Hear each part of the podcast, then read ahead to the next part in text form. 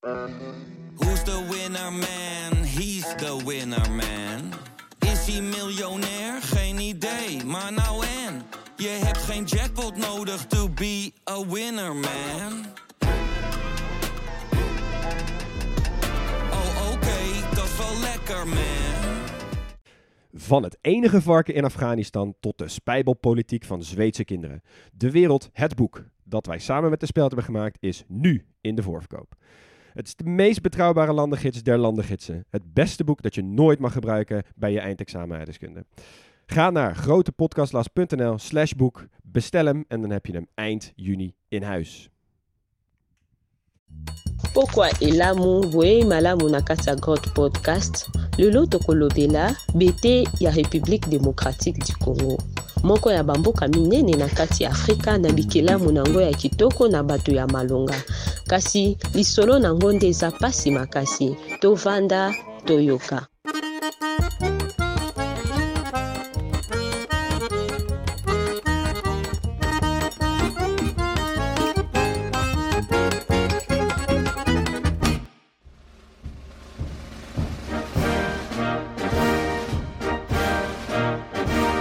Als iets te mooi is om waar te zijn, dan is dat het vaak ook. Want dat sprookje had zo mooi kunnen zijn. Congo als hoeder van 's werelds belangrijkste hulpbronnen. Iedere Congolees gratis gezondheidszorg, Kinshasa het paradepaardje van Afrika en Congo als het Noorwegen van de tropen. Maar als je als Afrikaans land vol kostbaarheden zit, weet je eigenlijk genoeg. Je krijgt de hebberige wereld op bezoek en het resultaat is een graaierij van je welste. Alles waarmee jij deze aflevering luistert was er niet geweest zonder Congo. Maar Congo was wel beter af geweest zonder de agressieve interesse in hun grondstoffen. Dit land verdient een gepassioneerde aflevering. Ja, jongens, zin in. Hey, Ja, sowieso eindelijk. het tweede seizoen. Zoveel zin in. Ja, het heeft weer veel te lang geduurd. Ja, en ik Ik was heb... eigenlijk na twee weken was ik wel weer zat. Ja? Ja. Dus je bent meteen midden in de zomer begonnen met uitzoeken van Congo. Nou ja, zeker. Ja, ieder tripje naar werk toch wel even, even vast ingelezen. Nou, ik heb- wel de tijd genomen om eh, die dikke pil van David van Rijbroek grotendeels te lezen, dan Oh. wat te scannen over Congo. Nu al jaloers op je. Ik heb de tijd niet gehad, maar ik wil die wel echt heel graag horen. Of Nee, heel graag jij, lezen. jij bent eh, heel druk geweest met leiers eh, eh, verschonen. Ja, en dat gaat op zich best wel goed af. Ja, gaat het goed af? het is een goede tijd. Wat is En, het leukste aspect van een, van een nieuw kind? Eh, nou, ik heb er vanochtend voor de eerste keer de gesprekken met zichzelf horen voeren. Het was nog lachen. geen eh, quizje voor mij over de hoofdsteden van moeilijke landen. Maar het is wel gezellig nu. Dat is heel vet. Maar hey, even terug naar Congo, jongens. Ik, ehm, ik heb denk ik nog geen land gehad tot nu toe... waar ik zo erg in bleef hangen als in Congo. Hoe bedoel je dat? Ja, dat land, het blijft gewoon in mijn hoofd rondspoken. Ik wil het heet het weer nieuwe podcast luisteren en artikelen lezen. Ik, ja, ik, ik weet niet. Het- ik vond het zo intrigerend. Ook omdat het een beetje Afrika in het klein is. Het verhaal van Congo, volgens Ja. mij, als je dat goed begrijpt... dan beg- begrijp je heel goed wat er überhaupt in Afrika is gebeurd de afgelopen eeuwen. Ja. Ja, ik had een beetje Dat denk ik hetzelfde. wel. Misschien is het trouwens even goed voor de luisteraar om even een onderscheid te maken. Je hebt twee Congo's eigenlijk. Je Ja. hebt eh, Congo-Brazzaville, dat is de kleine Congo. En deze keer gaan wij het hebben over Congo-Kinshasa.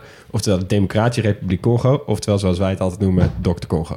Ja. Vanwege DR Congo. Maar mogen we gewoon Congo zeggen nu? Ja, We vanaf zeggen nu gewoon Congo. Congo, Ja. nu we dit eh, hebben opgehelderd. Nee, prima. Hey, en eh, in de tussentijd, we hadden natuurlijk een pitstop... eh, is er nog wel meer gebeurd, want we zijn genomineerd, jongens. Ja, voor de Dutch Podcast Award. En ehm, die worden uitgereikt op 14 november, geloof ik, uit mijn hoofd. Je kunt tot en met 6 november stemmen. En eh, we zitten in de categorie wetenschap en educatie. Ja, die had, Ja. Ik, die had ik je een jaar geleden niet gegeven. Maar nee, zeker niet. prima. Ja, we En zijn, eh, eh, met het aantal hele mooie andere podcasts... is de concurrentie zeker niet mals. Dus Het is kunnen sowieso de- stem gebruiken. Dus Precies, het is sowieso de categorie met de leukste ehm eh, woordspeling podcasts. Want we zijn onder andere met de Dinocast en de Vogels podcast. Ja, dat slaan wij toch een beetje flater. ik vind het leuk. Ja, dus als je wil stemmen, als jij ons nou echt de leukste podcast vindt, want we gaan je natuurlijk niks opdragen, maar eh, hè, als je nou toch in de buurt van een eh, computer of van een telefoon zit, ga dan naar podcastawards.nl slash stem en daar kan je je stem uitbrengen, ook op alle andere categorieën. Dus Ja. doe dat even. dankjewel. Ja, en moeten we nog mensen bedanken deze keer? Vrienden, Vrienden van de show. Zeker. Ja, een hele hoop. We hebben, het, is, het is weer feest hoor. Ehm, eh, twee maanden niks gedaan, maar toch een heleboel vrienden erbij gekregen. Ehm, namelijk meneer de Uil, Corine en Roger, Bas, Timo, Lara Hagers, Vinnie Poel. Daan Voerkam, Luc de Goede, Wout Hedlund, Daan van Elk, Boris de Jong, Hans Stakelbeek en Freek G. Freek G. Of Freek G. G. Een zieke OG. Ja, leuk. Heel erg bedankt. Ja, bedankt jongens. Ja, jullie kunnen dit de allemaal blijven maken komend seizoen. Hey, en we gaan gewoon beginnen, jongens. Democratische Republiek Congo. En ehm, het is dat de Centraal-Afrikaanse Republiek al geclaimd is door een ander land. Want dat had dit ook prima kunnen zijn. Ja. Dit land ligt midden in Afrika. En er zijn een heleboel Afrikanen die heel erg moeten omrijden... als Democratische Republiek Congo er ineens niet meer zou Ja, zijn. als er meer zou zijn. Want het is en super groot en het heeft ook vet veel buurlanden. Dus daar gaan we jongens eventjes eh, met de klok mee. Eh, je hebt natuurlijk Congo-Brazzaville. Dan heb je de Centraal-Afrikaanse Republiek. Dan heb je Zuid-Soedan, Oeganda, Rwanda, Burundi, Tanzania, Zambia en Angola. Ja. Ja. En de Atlantische Oceaan dus. En dat is maar een super klein stukje. 37 kilometer voor bijna het grootste land van Afrika. Ja. We hebben zo'n klein kuststrookje. En Ja. dat is ook dus de monding van de rivier de Congo. Ja. Ja, volgens mij, David Rijbroek omschrijft het eh, volgens mij als, als een ballon, waarbij dat het tuitje is. Oh ja, goed. Oh, ja, Ja. Ja. En dat ballonnetje heeft aan twee kanten van het tuitje dus dezelfde grens. Want Angola heeft twee grenzen met Congo. Ja, Die hebben nog een exclave aan de overkant liggen. Nou, jongens, eh, vijf, 56 keer zo groot als Nederland. En eh, na de splitsing van Soudaan is er eigenlijk een soort vacature gekomen hè, voor het grootste land van Afrika. Ja. En Congo had het gewoon bijna gedaan. Het scheelt één Bhutan. Echt? Ja. Met Algerije? Met Algerije, ja. Ja. ja. Dus daarmee vallen ze ook net buiten de top 10 van de wereld van grootste landen. Ze zijn de nummer 11. Maar Congo heeft wel één ander unicumetje in Afrika. Ik weet niet of je die nog wilde noemen. Kom maar. Het is het enige land in Afrika met twee tijdzones. Oh, wat vet. Ja, Oh. Oh, dat wist Cool. ik niet. dat is een goede voor de quiz eigenlijk. Hele goeie. Nou, mooi dat ik hem nu alvast weet. Hey, aantal inwoners, dus wel de moeilijkste schatting tot nu toe van alle landen. Eh, ik kwam tien bronnen tegen en die hebben allemaal wat anders gezegd. En het houdt ook echt wel het midden tussen 92 miljoen en 108 miljoen. Dus het is best wel een ruime schatting. Echt? Ja. Ja, en zo ook de moeilijke schatting met de hoofdstad Kinshasa. Daar wonen ongeveer 17 miljoen mensen, inclusief voorsteden. En dat maakt het ook wel de grootste Frans sprekende stad ter wereld. Ja, Ja. vet. Dus mocht je denken dat dat Parijs was. En het wordt alleen maar erger. Of het wordt alleen maar meer. Want het explodeert echt, de bevolking van Kinshasa. Ja. Ehm, ik heb even schattingen gezien dat in 2050 ehm, wordt het geschat op de vierde stad ter wereld. En in 2075 zou het de grootste stad van de wereld gaan worden. Wow. Wow. Echt? Van de wereld? Krankzinnig. Oké, heftig. Ja, en ehm, jongens, de religie. Ja, religie in Afrika is altijd best wel iets complex. Maar in dit geval is bijna iedereen christen. Dus dat is weer lekker overzichtelijk. En de helft van de mensen is protestant en de helft is ongeveer katholiek. De taal is ook heel complex. Maar laten we nu even zeggen dat het Frans is het de officiële taal is. En ze hebben nog een heel groot, breed scala aan lokale talen. Nou, daar laat ik jou zo meteen lekker over uitweiden, Huug. Het is trouwens ook de, eh, het grootste, eh, of het land met het grootste aantal Frans sprekenden ter wereld. hè? Oh ja, als je die hoofdstad Ja. hebt, dan heb je dus ook... Ja, precies. Precies. Goed. Meer dan, eh, dan in Frankrijk. Nou, dat brengt ons niet tot de achternamen, want dat zijn niet echt Franse namen natuurlijk. De vijf meest voorkomende achternamen zijn Ilunga, Ngoy, Kasongo, Banza en Ntumba. Ja. Ik heb volgens mij geleerd dat als je die eerste, vooral bij zo'n Toomba bijvoorbeeld, dan is die eerste letter is stil. Dus ja. die spreek je niet uit. Ik ben gewoon Toomba. Oh ja, ja, Ja. dat is ook weer makkelijk. Dat gaan we nog wel een paar keer nodig hebben, deze aflevering. Dat is ook een goede tip voor voetbalcommentatoren, mocht je luisteren. Ja, niet Ja. Bles en, en. Mooi. Hey, en jongens, dan hebben we de vlag nog eventjes. Eh, het is er weer eentje met die diagonale baan. Deze keer van links onder naar rechts boven. Eh, de vlag zelf is blauw, best wel hel, felblauw. Ehm, die diagonale baan is rood met gele randen eromheen. En linksboven staat nog een grote gele ster. En ik vroeg me even iets af. Ik weet niet of dit aan mij ligt, maar dit is een vlag die ik helemaal niet zo goed ken. Heb je dit ook? Misschien omdat hij geen pan-Afrikaanse kleuren heeft. Het is een heel on-Afrikaanse vlag eigenlijk. Ja. Weet je wel, weet je wel. En ja, ze hebben daar ook wel... Het is, deze vlag is pas vanaf 2006. Dat helpt ook. Ja, maar die degene die ze daarvoor hadden, die ken ik ook niet zo goed. De eerste Ik ken die- alleen die groene met die fakkel erop of Exact, zo, van- van, Zaire. van Zaire, maar dat was tot 1997. Maar dat is inderdaad ook de vlag die ik het beste ken. Die stond in mijn eh vlaggenboekje. encyclopedie van vroeger. Zeg niks over je leeftijd, Huug. Maar die, eh, ik zal dus trouwens tijdens deze aflevering nu naar wat feitjes strooien die ik heb gelezen in eh, Van Rijbroek. Maar hij zegt dus van ja, dat is dus de, dat blauw met die gele ster, dat komt uit, eh, dat is van koning Leopold, die er waarschijnlijk uitvoerig besproken wordt straks.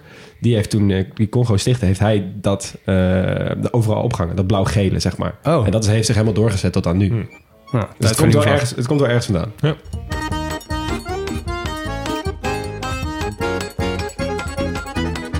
Oké, Max, dank voor, het, voor de intro. Ehm, ik ga even wat verder kijken over de bevolkingsgroepen.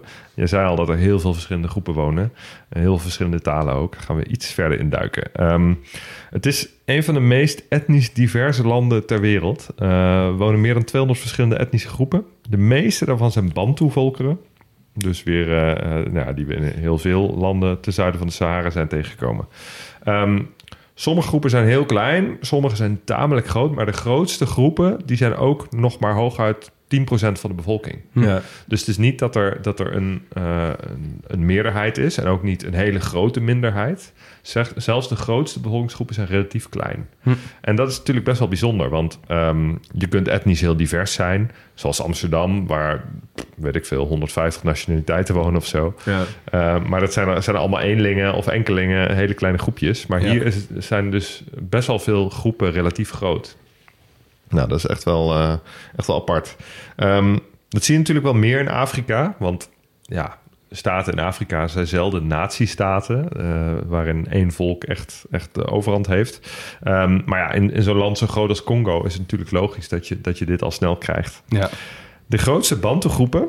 Um, uh, dat zijn de Mongo, de Luba en de Congo... En de grootste niet-Bantu-groepen, dat zijn de Mangbetu en de Azande. En die wonen vooral in het noorden en dat, uh, die worden tot de Soedanese volkeren uh, gehoord. Oh ja. Dus die spreken niet-Lotische talen ook. Niet-Lotische talen? Ja, dat is een van de, van de uh, vier taalfamilies naast Bantu. Um, oh, zo, ja. niet uh, Kosa, geloof ik. Ja, en, ja. en, er is er nog eentje. Um, nou, in, uh, in, uh, in Congo woont uh, ook het grootste aantal pygmeeën van Afrika. Ik geloof dat wij in de aflevering Cameroen het hier al ja, even over hebben gehad. Heel even kort inderdaad. Ja, um, er wonen ongeveer 600.000, dus dat is best wel een grote minderheid. Um, het is een volk van jager en verzamelaars. en die kennen we vooral omdat ze zo ontzettend klein zijn. er wordt verondersteld dat, dat pygmeeën oorspronkelijke bewoners van dit deel van Afrika waren. Dus dat, dat deze bevolkingsgroep er als eerst was. Uh, voordat bijvoorbeeld Bantu-volkeren arriveerden. En um, nou, wat hebben die Bantu-volkeren gedaan? Die hebben Pygmeeën eigenlijk massaal tot slaaf gemaakt. Want ja, ja uh, fysiek inferieur um, uh, werden ze onderworpen Um, en koloniale mogendheden die hebben hetzelfde gedaan.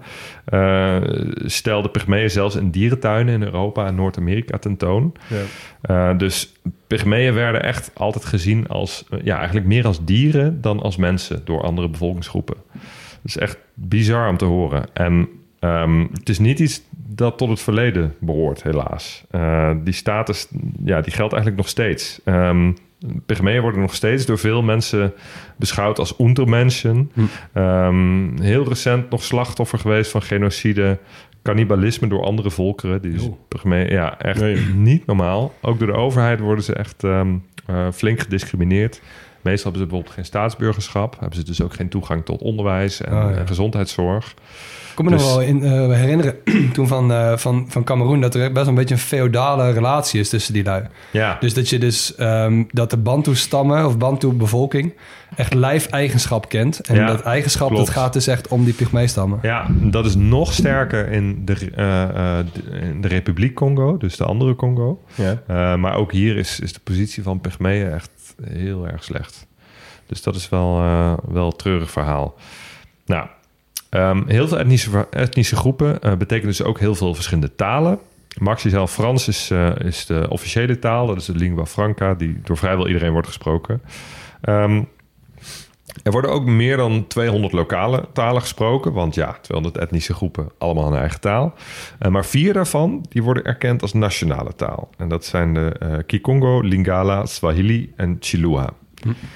En um, uh, wat wel bijzonder is, is dat tijdens de koloniale overheersing door België heeft um, België onderwijs gestimuleerd in die talen. Dus niet in het Frans, oh. maar in die vier lokale talen. Um, en daarmee was Congo een van de weinige koloniën waarin onderwijs werd gegeven in de, de taal van de oorspronkelijke bevolking. Oh ja. en gek genoeg is sinds de onafhankelijkheid juist Frans de enige taal geworden in het onderwijs. Dus ja. nou, dat hebben de Belgen toch, toch wel netjes gedaan. Ja. Ik denk dat dit het laatste is wat we over de gaan zeggen dat ze het netjes hebben gedaan. Ja. Maar dat zag je dus in, uh, in Tanzania ook. Daar hebben ze natuurlijk onder het mom van nationale eenheid, zeker na de onafhankelijkheid, gezegd van we moeten Swahili als een soort van tussentaal. ehm, daarmee moet het volk gaan verenigen. Hier heb je daar dus vier van. Ja, Dat is ook echt wel interessant, hè? ja, Ja. ja. En dat dat dus al gestimuleerd werd, juist niet alleen na de onafhankelijkheid, maar juist niet na Nee. de onafhankelijkheid. Nee, ja, dat is interessant. Ja. Ja. Ehm, je zei al over, over religie, Max. Hè? Dat het, is, het is tamelijk homogeen wat dat betreft. eh veelal christelijk. Wat bijzonder is, is dat je naast eh, de kla- klassieke eh, protestanten en katholieken... heb je ook nog de Kimbanguïstische kerk. Ehm, eh, dat zijn volgers van het Kimbanguïsme. En dat is eh, eigenlijk een lokale stroming in het christendom... die in de 20e eeuw is ontstaan. En afhankelijk door de Belgen is verboden maar vervolgens een officiële status heeft gekregen. En die groep die groeit heel snel. Dus dat is een, eh, is een steeds groter wordende groep christenen in Congo. Oké. En vieren ze carnaval? Belangrijk vraag. Weet ik niet. Zijn carnaval in Kinshasa. Ja, ik weet, die, die Kimba-gewisten die zijn best wel eh, eh, streng in de leer. Als in sober, geen alcohol, geen tabak en dat soort dingen. Dus als ze carnaval vieren is het vast niet zo leuk als jij eh, je het voorstelt. Nou, eh, ja, de geschiedenis van Congo. Aan mij om dit even samen te vatten. Het is- best wel pittig, want Congo heeft echt een lastige geschiedenis. Eh, allereerst is er echt weinig bewaard gebleven van de echt oude geschiedenis. Vanwege het feit dat het gewoon best wel een vol jungle land is in het hart van Afrika. eh, waardoor er dus heel veel kleine gemeenschapjes overal eh, woonden. Ehm, en die, die hadden eigenlijk geen schrift, dus de- ja, die hebben niks bijgehouden. En de westerse eh, zeg maar ontdekkingsreizigers, die zijn pas heel laat gekomen. Dus eh, ja, vanaf de 18e en 19e eeuw is pas de eerste geschrift over de, wat er in de binnenlanden van Afrika een beetje gebeurde. Ja. Ehm, eh, wat wel leuk is, is zij deden alles in zang. En het werd alle, al hun communicatie werd meteen ook overal gedeeld met alle groepen eromheen. En dus met trommels konden ze dus van stam naar stam naar stam, Oh, van echt? dorpje naar dorpje communiceren. Eh, en 19e eeuwse ontdekkingsreizigers begrepen dus ook helemaal niet hoe alle dorpen waar zij kwamen al lang wisten dat zij eraan kwamen. En toen kwamen ze erachter dat ze dat dus naar elkaar trommelen. En dat ze dus één getrommeld bericht kan in één etmaal 600 kilometer afleggen. Oh, Ja, hoe vet is dat? vraag me af hoeveel dorpen je daar dan voor vet. dat red hebt. je niet te paard hoor. Nee, Nee. zeker niet. Nee, nee. dus eh, nou, 1500 eh, jaar voor de Morsecode ongeveer uitgevonden. Dus Zo. dat is ook wel grappig. Ja. Ehm, Ik ben Nou, wel benieuwd hoeveel er dan van die boodschap verloren gaat. Dat is zeg maar zo- zo'n kring, een kring eh. Ja, ja. Ja, precies. Eh, nou, over het algemeen wordt er wel een beetje eh, vanuit gegaan dat die eh, verschillende stammen over het algemeen prima samenwerkten. En natuurlijk soms onderling wat fitties hadden, maar verder dat het allemaal vrij pais en vree was tot de Europeanen kwamen. Die natuurlijk ook meteen huis hielden. Um, maar eerst rond 1400 werd het Koninkrijk Congo gesticht door Lukena Luanimi. En dat was eigenlijk, werd eigenlijk best wel een groot koninkrijk. Een beetje bijna zo groot als dat wij het nu kennen. Zelfs nog groter. Die grenzen waren dus groter dan het Congo van nu. Uh, maar het was niet zoals wij kennen echt een land. Het was hè, doordat dat land van zichzelf best wel lastig is te bereizen... waren het meer soort gemeenschap, kleine plaatsjes, dat soort dingetjes. Ja. Um, dus dat was ja gewoon... Het was wel een koninkrijk onder een koning. Maar verder was het niet, uh, niet heel erg verbonden. Nee. Um, aan het eind van de 15e eeuw kwam uh, Congo door de ontdekkingsreizigers in contact met Portugal. Nou, en die uh, hebben meteen een soort ruilhandel opgezet met mensen. Dus zij, uh, geven, zij kwamen soldaten brengen naar daar om het land te beveiligen. En zij vervolgens uh, tot slaafgemaakte mensen meegenomen op hun schepen. En dan vervolgens weer de binnenlanden ingaan om een soort roofexpeditie te starten. Ze hebben ook het christendom gebracht, hè? Ze hebben ook het christendom gebracht. Ja. Sterker nog, de eh, eerste zwarte priester, als ik het goed zeg, komt uit Congo. Oh joh. Uh, die heeft een beetje de basis gelegd voor waarom ze daar nog steeds zo best wel diep gelovig zijn. Ja. ja. Um, ja je zei dat je met mooie feitjes ging strooien. Je hebt er nou al wat twee gehad. Kijk, ja, en over niet mooie feitjes gesproken... dat er dus uh, door die uh, slavenhandelaren... echte roofexpedities dus uh, werden gepleegd... om, om heel veel mensen in al die nieuwe koloniën van Portugal aan het werk te zetten. Uh, ze gaan ervan uit dat er, er is een schatting dat er in ongeveer een eeuwtijd een half miljoen Congolezen als slaaf uh, werden verscheept. En dat er tussen 1500 en 1850 ongeveer 4 miljoen mensen tot slaaf werden gemaakt wow. in Congo. Nog steeds aantallen die je duizelen. Je ja. hoort het zo vaak, maar alsnog. Ja. ja, en dat is toen, die tijd was natuurlijk een stuk minder mensen dan het er nu zijn. Dus dat is ja, insane. Nou goed, um, vanaf de jaren of 1870 werd het Congolese binnenland voor het eerst verkend uh, door vriend van de show. Ja, Stanley of zo. Ja, Stanley. Ja. Uh, dat is de Mr. Oh. Henry Dr. Livingston, I presume Stanley. Hij ging op zoek naar uh, Livingston. Uh, en hij bracht het gebied eigenlijk voor het eerst in kaart. En we hebben het uitgebreid over hun, hun relatie gehad in Tanzania. Ehm, maar wat dus grappig was, is die Stanley, die ging dus op een gegeven moment ging die terug naar Engeland. Van, joh, luister, ik heb allemaal land ontdekt. eh, betaal mij voor meer reizen. Ik wil dit eh, in kaart brengen en aan jullie geven. En die Ja. Britten, die hadden er helemaal geen zin in. Die dachten, ja, we vinden het allemaal wel best hier waar we nu mee bezig zijn. Mhm. Toen is hij naar koning Leopold II gegaan van België. Nou, en ten koning Leopold II. Oh. Die heeft toen gezegd, nou, eh, ik zie daar wel wat in. Want hebben België was toen net eh, nieuw, zeg maar. België is natuurlijk toen een soort van ontstaan, 1830, vlak daarna. En die wilde wel... eh, hij zat echt... Hij was de tweede koning van België. Hij wilde België even op de kaart zetten, groots maken, internationaal aanzien. En er was toen net soort opkomen... Was midden in de tijd van de, de wedloop om Afrika, weet je wel? De, Mhm. de Scramble Scramble, for ja. Africa. Eh, en eh, die Europese mogelijkheden waren allemaal met elkaar aan, aan het vechten. De Duitsers met de Engelsen en de Fransen. En midden in Afrika lag nog een soort onontgonnen land... volgens de westerse manier van denken. En hij dacht, nou, ik kan daar een mooie soort vredestaat richten. Hij heeft dat helemaal, helemaal breed uitgezet. eh, en kon op een gegeven moment de Duitsers en de Amerikanen overtuigen... van het feit dat dat Belgisch zou moeten zijn en zo geschieden. Eh, dat gebeurde op de zogenaamde geografische conventies... En dat klinkt heel gezellig, maar dat, is, dat zijn dus eigenlijk die conventies waarbij ze dus die dikke lijnen trokken Ja, door precies. Afrika, waardoor je dus nu vet veel eh, verschillende Ja. stammen in hetzelfde land hebt. Is dit ook die eh, conferentie van Berlijn? Ja, in dat- 1885 een van volgens mij. Helemaal goed, Max. Ja. Nice, lekker bezig. Ja, en, en de Geografische Conferentie van Brussel in 1876 heeft hij dus al die ontdekkingsreizigers en geografen samengebracht om dit te vertellen. Ja. Ja, vrij het is toch totaal bizar ook dat, kijk, al die koloniale machten die waren eigenlijk bezig met zoveel mogelijk kust veroveren. Ja, En ja, dat binnenland dat moest dan ook verdeeld worden. En Ja. België heeft Congo bedongen, gewoon een stukje wat maar over was, Ja. met nauwelijks kust. ja. Maar wel heel Ehm, gewoon binnenland. Maar wel een heel groot Ja. binnenland, maar dus met een heel ander idee daarachter dan, dan al die andere landen. ja, en toen daarna, dat was echt in de periode dat al die andere landen ook ineens dachten van, oh wacht even, misschien willen wij dat ook wel. Toen had je natuurlijk hè, vanuit Zuid-Afrika, hebben we het in Lesotho hebben we het daarover gehad, en vanuit Ja. Tanzania en zo. Toen kwam er overal een soort, ja, dus die wedloop, ja, met de verschrikkelijke gevolgen natuurlijk. Sterker nog, Afrika bestond in 1880 uit circa 1100 volkeren en in 1900 uit 40 landen. Zo. Ja. Tel uit je winst. Dus Ja. waarom je geen nazistaat hebt in eh, Afrika, Sub-Sahara-Afrika ongeveer. Ja. Ja. En Congo kreeg ook wel een andere status, toch? Dan heel veel andere van die, eh, van die kolonies. Ja, hij, koning Leopold II heeft het dus niet een land gemaakt van België, maar hij heeft het de zogenaamde Vrijstaat Congo opgericht. En dat was eigenlijk gewoon zijn privébezit. Hij Ja. was gewoon een beetje, aandeelhouder. eh, Paleis het Loo, landgoed, eh kroondomein, eh, Precies, maar dan alleen in het dan groot. al- in het mega groot, inderdaad. Eh, en dat is echt, dat is echt compleet raar. Ik ging er even nadenken. Denk er eens langer dan tien seconden over na dat één koning van een ander land gewoon een heel land voor zichzelf heeft eigenlijk. Ja. Zij stuurde er allemaal Belgen heen en heeft een behoorlijk eh, schrikbewind ook eh, ge- geïnstalleerd daar. Hij zei namelijk van tevoren, ja, ik ga de slavernij afschaffen en ik zorg, ga, ga goed zorgen voor de mensen in het land. Maar hij deed eigenlijk een beetje tegenovergestelde. Want er was dus al in de binnenlanden van Afrika, omdat er natuurlijk bijna geen toezicht was, was er een soort, ja, ze noemen dat de Swahilo-Arabische karavaanhandel in mensen en ivoor. Basically heel veel lui uit Ara- Arabisch Schiereiland, samen met wat eh, eh, mensen uit het, eh, het Swahilo-gebied, dus Tanzania en Kenia. Die hadden een hele grote karavaan, soort ruilhandelroute opgericht om mensen en ivoor te verschepen terug naar eh, Europa of naar andere landen. Eh, en eh, eh, koning Leopold heeft dit gewoon overgenomen. Die heeft gewoon gezegd, oké, nou prima, dit is, dit is mine nou. Ja. Ehm, ja, echt verschrikkelijk. Eh, en hij heeft dus dit met vri- vrij veel geweld. Hij heeft ook gewoon... Slavernij heeft hij wel afgeschaft, maar in plaats van was het dwangarbeid. Dus mensen kregen wel iets van geld, maar ze moesten alsnog wel gewoon werken.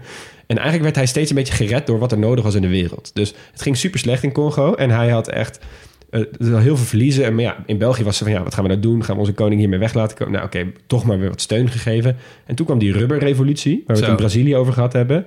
Nou, en toen in één keer was er vet veel rubber in Congo, dus dat was handig voor Leopold. Nou, en toen daarna zag je die rubber weer een beetje afzakken. En toen kwam de mijnindustrie op en werd er echt extreem veel koper uit de grond getrokken voor de oorlogslustige, oorlogs, oorlogslustige westerse mogendheden. Die elkaar Hmm. allemaal bestookten met eh, bommen en granaten. ja, dus steeds als de wereldeconomie waar je wat nodig had, dan was er ineens altijd Congo. Was in Congo. En daar Ja. hadden ze alles. Ja, ik heb zelfs gelezen dat van de bommen die tijdens de Eerste Wereldoorlog vielen in België en Frankrijk en Duitsland, zo, zat 75% Congolees koper. Joh. Oh, echt. Moet je nagaan. Jezus. Nooit gerealiseerd dat dat toen al van zo ver kwam. Ja, ziek hè? Ja, goed. Er zijn natuurlijk heel veel verschrikkelijke verhalen over wat zijn bewind allemaal voor heeft voor gezorgd. Nou, dwangarbeid, marteling, moord, ontvoering. eh, dat de hele familie van, van de mannen werd dan ontvoerd. En die werden alleen vrijgelaten als ze hele onmogelijke hoeveelheden rubber binnenhaalden of koper binnenhaalden. En anders kreeg je gewoon je familie niet terug te zien. Of wat er ook gebeurde is dat je, aan je handen, de handen werden afgehakt van mensen die dus hun rubberquota niet haalden. Eh, en dus dat, ze had, had dus ook een soort openbare weermacht geïnstalleerd... die dus moest toezien op dat dit soort dingen gebeurden. En eh, ze mochten niet te veel kogels afvuren. En om te bewijzen dat hun kogels die ze af hadden gevuurd... wel daadwerkelijk nuttig waren geweest... moesten ze die dus eh, verantwoorden met handen. Dus wat er dan gebeurde, is dat als ze dus iemand dood hadden geschoten, hakten ze die handen af en die gaven ze dan terug. Zo van, kijk, ik heb echt goed gedaan. Maar ja, wat er gebeurt ook, soms schiet je ook en dan gebeurt er niks. Ja, dan waren er dus gewoon levende mensen die hun handen kwijtraken, omdat je dat moest inleveren en moest laten zien dat je dus die kogels goed had gebruikt. Zo, lekker verhaaltje dit. eh. Ja, dit is dus voor. Er is een reden dat in 1890 een eh, George Williams eh, deze praktijk enigszins heeft onderzocht. En als eerste ooit het heeft bestempeld als misdaden tegen de menselijkheid. Crimes against humanity, wat natuurlijk nu een, eh, best wel een bekende term is. Ehm, en dit is dus de eerste keer dat dat zo werd genoemd. Ehm, weer een feitje voor je. Hij is er zelf nooit geweest, Leopold II. Oh ja, Hij is maar, nooit in Congo geweest. maar er is wel heel veel geld, eh, hij heeft er wel heel veel geld aan verdiend. Ja, ja, nou, er was dus heel veel internationale druk. En uiteindelijk is het dus ook afgepakt van hem eh, in 1908 al. Eh, en toen werd het dus wel echt een kolonie van België. Eh, toen was het iets beter nieuws. maar er was nog steeds heel veel rassensegregatie en heel veel verplichte arbeid. Moest die Leopold niet ook een keer dood? Ja, dat was nu ongeveer. Hij was Oh. toen al een beetje... Maar hij heeft het nog wel allemaal meegemaakt. Heeft lang, lang volgehouden. Ja, ja, maar- ja, helaas zou ik bijna willen zeggen. Ehm, maar wat er toen werd ingevoerd is het, een, een Frans model van de evoluees. Wat letterlijk de geëvolueerde of de ontwikkelde betekenen. Nou, ik denk dat je wel een beetje kan aanvoelen waar dit heen gaat. Dat is natuurlijk een ongelooflijk eh, racistisch model. Want ehm, eh, als eh, zwart persoon in Belgisch-Congo maak je dus aanspraak op de soort statuut dat, dat je het recht van een evaluee zou geven. Dat betekende helemaal niet dat je dan dezelfde recht had, maar dan was je een burger van verdiensten. En had je dus meer rechten dan zogenaamde aanhalingstekens inboorlingen. Ehm, en dan kon je dus bijvoorbeeld in de Europese wijken wonen of eh, specifieke studies volgen. Eh, maar er kwamen dus mensen langs die kun- moest je dus laten zien dat je levensstijl had die een beetje van Europees beschavingsniveau was. Dus dat iedereen een eigen bord had, bijvoorbeeld. Dat soort shit. Ja. Ja, eh, maar uiteindelijk was er dus er was heel weinig. Je kreeg dus heel weinig extra rechten, maar je moest er heel veel voor doen. Dus het was niet heel populair onder de Congolezen. Eh, en toen Congo onafhankelijk werd, eh, toen waren er eh, op de 14 miljoen Congolezen 1557 burgerlijke verdiensten, als het ware. Dus die waren er enigszins mee bezig geweest. Eh, en er waren er eh, 217 immatriculaties uitgereikt. Dus mensen die iets mochten doen voor de staat. Sterker nog, toen Congo onafhankelijk werd uit Zaire... waren er drie Congolezen in het hele land een echte bestuurder. Als Zo. bestuurder van het land. Ja, Maar de rest waren nog dat allemaal achter, eh, natuurlijk. ja, Er waren nog allemaal Belgen. er waren allemaal Belgen in het bestuur. Ja. Ja. Zo joh. Nou ja, goed. eh, thanks voor dit, eh, dit verhaaltje. Ja, het is wel echt een... eh, ja, als je nu zo uitzoomt, dan is het natuurlijk... Hè, nogmaals, Congo het verhaal van Afrika. Je bent gewoon echt de zak als je zo'n Ja. rijk land bent als, als Congo. Weet je, Ja. het had zo mooi kunnen zijn. Ja. Ja. En ehm, eigenlijk is Congo, ik, ik vind het een beetje gewoon, ze zijn het slachtoffer van alle economische ontginning van de hele wereld. Ja. En wat je nu ziet in die koloniale tijd, dat dus de hele wereld wil iets van Congo. En dan zijn er allemaal belangen. Hè? Let even op dat woord, want het komt nog wel een paar keer terug in het hoofdstuk. Ehm, maar de enige belangen die nooit gedekt worden, dat zijn die van de Congolezen. Ja. Nou, en daar gaan we nog wel een paar fases van, eh, van zien. Dus ga even met me mee. We hebben net natuurlijk koloniale tijd gehad. Helemaal leeggeroofd. Volgende periode is rondom de onafhankelijkheid. En Leon, je had het ook even over die evaluees. Er is één evaluee waar we het even mo- over moeten hebben... en dat is Patrice en Marie Lumumba. En Lumumba was... ehm, nou ja, er was het steeds meer, of, eh, steeds meer Congolees besef... hè, een nationaal gevoel... en uiteindelijk mochten ze onafhankelijk worden. En hij werd premier en zijn rivaal werd ehm, Joseph Kas- Kasavubu. En die waren samen, werden zij de leider van Nieuw-Congo. Kasavubu werd de president, hij werd de premier. En bij de plechtigheid rondom de onafhankelijkheid sprak koning Boudewijn inmiddels, hè, want eh, Leopold was er niet meer. En Boudewijn die gaf een speech en dat was één grote lofzang op de invloed van België en Leopold op het land Congo. Van jullie, zijn, jullie mogen blij zijn, weet je, dat wij jullie dit gegund hebben en zo. En Lumumba die had ook de speech gelezen van Kasavubu, de, zijn, zijn president Ja. van tevoren. En die vond hij helemaal niks. Het was veel te slap. Want het was allemaal een beetje hielikkerij, weet je wel. Ja. En ehm, wat gebeurde er toen? Die Lumumba die sprong op en die mocht eigenlijk niet spreken. En die is gewoon gaan staan. Die zei, joh, ik ga gewoon ongevraagd het woord nemen. En die kwam echt met een vlammende speech tegen België. ik quote hem eventjes, uh, in het Nederlands natuurlijk vertaald. Maar wie zal ooit de slachtingen vergeten... waarbij zoveel van onze broeders omkwamen? De cellen waarin degenen werden geworpen... die weigerden zich aan een regime van onderdrukking en uit, uitbuiting te onderwerpen. Wij, die in ons hart en met ons lijf geleden hebben... onder de koloniale onderdrukking... wij zeggen nu luid en duidelijk... dat alles is voortaan gedaan. Nou, zo'n sfeer.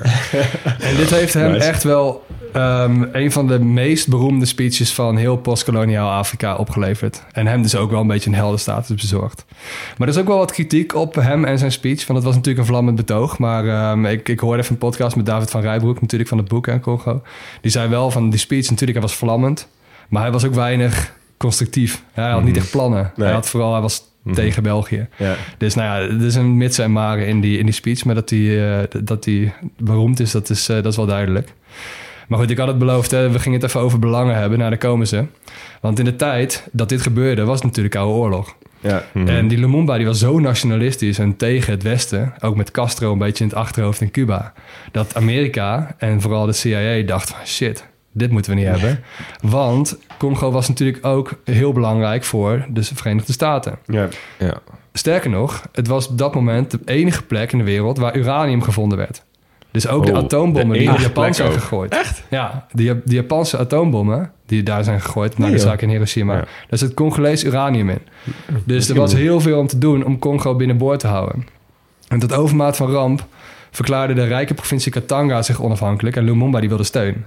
Dus die gingen eerst naar de VN. Moi. België. Moi. VS. Moi. Hij kreeg niet de steun die hij wilde. Dus hij ging op een gegeven moment naar de Sovjet-Unie. ja, ik wou het zeggen. Dat is een logische volgende stap. Ja, en toen was het code rood. Dus toen zijn er echt best wel wat plannen geweest om hem te vermoorden. Ehm, door de CIA, maar ook door de Belgen. En dus uiteindelijk hebben ze dat niet door laten gaan. Wat hebben ze gedaan? Ze hebben een soort van zachte coup tegen hem gepland, tegen Lumumba. Onder leiding van de militair Joseph Mobutu. Ook misschien wel een bekende naam. Ze hebben Lumumba afgezet en die probeerde te vluchten naar zijn thuisstreek. Maar onderweg is hij gepakt en is hij onder toeziend oog van Belgische officieren geëxecuteerd. Echt? Het is gewoon een leider van een land, hè? Dus daar ga je met je Maar belangen. door, door wie dan? Door, door lokale tegenstanders? Ja, nee, door, door mensen van Mobutu. Dus eh, Oh ja, door, door de militairen die... eh, Van weer Amerika. Ja, het hele Westen in We geval. hebben het in de epiloog even over gehad. En die motherfuckers beginnen gewoon begin van seizoen 2 meteen weer. Ja, het is, het is weer die CIA en weer de Koude Oorlog. Ja, het is een ongelooflijk. vette, vette aflevering van alle geschiedenis ooit hierover. Moet je echt een keer luisteren. Oh, ja. Dan gaan ze iets dieper in op die moord eh, op Lumumba. Maar goed, jongens. ehm, die decennia daarna was er één man die domineerde. En dat was dus die Mobutu. Die was uiteindelijk ook de politiek ingegaan. En die is daar ook de leider van, van Congo geworden. En die voerde eigenlijk twee, beleid, twee soorten beleid tegelijkertijd. Eén is veel rechtlijniger pro-Amerikaans beleid, tuurlijk. Ja. Het zadel houden. En toch ook wel een soort pan-Afrikaanse signatuur was hij van. Oh. Dus hij had een zelf ontworpen uniform. Hij heeft het land dus ook Zaire gedoopt. Grote rivier. En hij noemde zichzelf Mobutu Sese Seko Kuku Ngbendu Wazabanga. Oftewel de sterke, krachtige leider die het land naar voorspoed zou brengen. Nou, Sexy naam. Wel verwachtingen. Chinese invloed. nou, hoge verwachtingen, maar dat vond hij dus zelf ook. Dus hij was echt, hij was echt een kleptomaan uit het boekje. Dus eh, had, op een gegeven moment had, had hij net zoveel als de hele Congolese staatsschuld, 4 miljard. Nee joh. En hij was een van de bruutste dictators van Afrika. Maar goed, hij deed wel wat Amerika wilde. Ja, Ja, ja. Nou, daar ging het om. einde Koude Oorlog was hij simpelweg niet meer zo nodig. En toen brokkelde ook heel snel de steun af, want zo ging dat. ja. En het Westen wilde meer democratieën nu. Hè, want ja, ze hadden de verlichting gebracht en de- het communisme was verslagen en zo. Precies. Dus nu is de democraten waar we, waar we iets mee willen hebben. En dus niet meer die dictators. Dus daar was heel veel chaos. En ondertussen was er nog een conflict, want in buurland Rwanda... hadden ze in 1994 tenminste, hadden ze die genocide. ja. Die kwam ook voort uit zo'n koloniale tijd... waarin groepen tegen elkaar werden opgezet... en verdeel- en heerstrategieën speelden. Dus dat was niet vrij. Ehm, er kwam een gigantische vluchtelingenstroom op gang. En daarmee werd het ook een beetje een regionaal conflict. Dus je had troepen die kwamen vanuit, eh, vanuit Burundi, vanuit Oeganda. Omdat er, er waren, het was gewoon een etnisch conflict geworden. Dus iedereen was elkaar aan het aanvallen. En binnen Congo werd eigenlijk de, die milities werden geleid door Laurent Désiré Kabila. Ook misschien wel een naam Ja, die, eh, die, die een ja. belletje, belletje doet rinkelen. En die heeft Mobutu verdreven en installeerde zichzelf als president. Maar die oorlog, die bleef. En die escaleerde vooral omdat iedereen hem ook weer wilde verjagen. En nu gebeurde er iets, dat, dat vond ik wel echt interessant. In de jaren daarna werd het steeds meer een soort van Afrikaanse wereldoorlog. Zo heet die ook in, in de volksmond. Omdat er steeds meer staten bij betrokken raakten. Niet alleen door bondgenootschappen die landen met elkaar hadden, maar ook door puur opportunisme. Dus je had bijvoorbeeld Congo's rijkdommen, die moesten veiliggesteld worden. Dus we hebben dat in, in Zimbabwe gehoord, Ja. dat, eh, Ja. dat Mugabe dat ging doen. Maar Museveni en Oeganda deden dat. En op een gegeven moment kwam ook zelfs Gaddafi erop af, uit Libië. Nee joh. Allemaal gewoon om hun belangen veilig te stellen. En om ook Belangen. gezien te worden als een soort van regionale heerser. Weet je, Ja. een grootmacht. Dus ze willen er allemaal wel iets mee te maken hebben. Nou, daarom dus inderdaad die vergelijking met de Eerste Wereldoorlog. Waarin iedereen op een gegeven moment tegen elkaar stond. en, en dat in een hele korte tijd gebeurde. Nou, die Kabila die werd vermoord door zijn lijfwacht. En hij werd vervangen door zijn zoon Joseph. En dat is ook een man die is tot 2019 president geweest. Ja. Opgevolgd door Felix Tshisekedi. Ehm, en Die zit er burger- nu nog, toch? die zitten nu nog. Ja, Ja, ja. en die burgeroorlog die werd officieel wel beëindigd in 2004 al. Maar goed, het is nog steeds wel onrustig natuurlijk. Ja. Ja. Vooral het is in het ook- oosten toch ook? En vooral in het oosten, ja, zeker in die grensregio natuurlijk. En wat een beetje gek is, is dat je natuurlijk Kinshasa hebt, de hoofdstad. Dat die dus zo ver weg ligt van, Van alles, waar ja. eigenlijk alles om te doen is in Congo. ja. Ja, die Ja, oorlog en, die... en Congo, daar hebben we het nog helemaal niet over gehad, maar Congo is natuurlijk ook super onherbergzaam. Dus Ja. los van de afstanden Ja. is het ook gewoon, is het gewoon totaal geen verbinding met het achterland. Precies. Nee, ja, Vanuit precies, wat ik zei. Waarom het zo vroeger zeg maar, wel een koninkrijk was, maar verder niet heel boeiend. Ja, maar Nee. dat is dus nog steeds zo. Ja. Ik bedoel dus niet dat daar nu eh, allemaal snelwegen Nee, liggen. Nee, nee, nee, absoluut. Nee, Het is best wel moeilijk begaanbaar nog Ja. steeds. Nou ja, waar die oorlog ook wel van kent, is dus die vredes, eh, vredesmissie vanuit de VN. Ja. Ehm, met al die 15.000 blauwhelmen die daarheen zijn gestuurd. En dat werd dus ook de grootste vredesmissie ooit. Ja. En als ik nu een beetje terugblik, hè, ik, ik, eh, las, of ik hoorde ook een, eh, een podcast met, eh, van, van de Afrikast. Die Ja. had een gast, eh Alphonse Mwambi, schrijver van het boek Democratie kun je niet eten. Veel zin om dat boek een keer te gaan lezen. maar hij is ja, dus van klinkt Congolese afkomst. En hij stelt eigenlijk dat Congo echt tot op de dag van vandaag... in al die economische expansie... bewust instabiel wordt gehouden door iedereen die daar belangen heeft. Want op het moment dat Congo zich wel ontwikkelt... en kan zeggen, jongens, wij zijn een sterk land... Ja, dan, Ja, mogen zij ook de prijzen van dat Mm. kobalt en zo gaan bepalen. Precies, ja. En dan wordt onze smartphone, alles waarmee je deze podcast luistert... wordt zo meteen drie keer zo duur. Ja, Ja. En dat zie je bijvoorbeeld met de Chinezen, die zitten er nu ook. ja. Dus iedereen heeft altijd belangen in Ja. Congo. En ja, ik zal straks nog wel een stukje vertellen inderdaad over die Chinezen en over, die, eh, Ja. over hoe dat er nu zit inderdaad bij economie. ja, ik vind het echt een fucking interessant Ja, land. echt. Ja. Maar in geopolitiek is het ook zo boeiend, want wat je zegt, dat ze worden dan misschien wel bewust inderdaad instabiel gehouden. Ja, dat betekent dus dat er dus gewoon nog meer, als het misschien over 50 jaar zo'n podcast als deze wordt gemaakt, dat je dan weer gaat rappen over hoe de CIA in eh, de, de jaren 2020 Ja. Congo instabiel hield vanwege Ja. het laag houden van dit soort prijzen. Ja, precies. Of de Chinezen.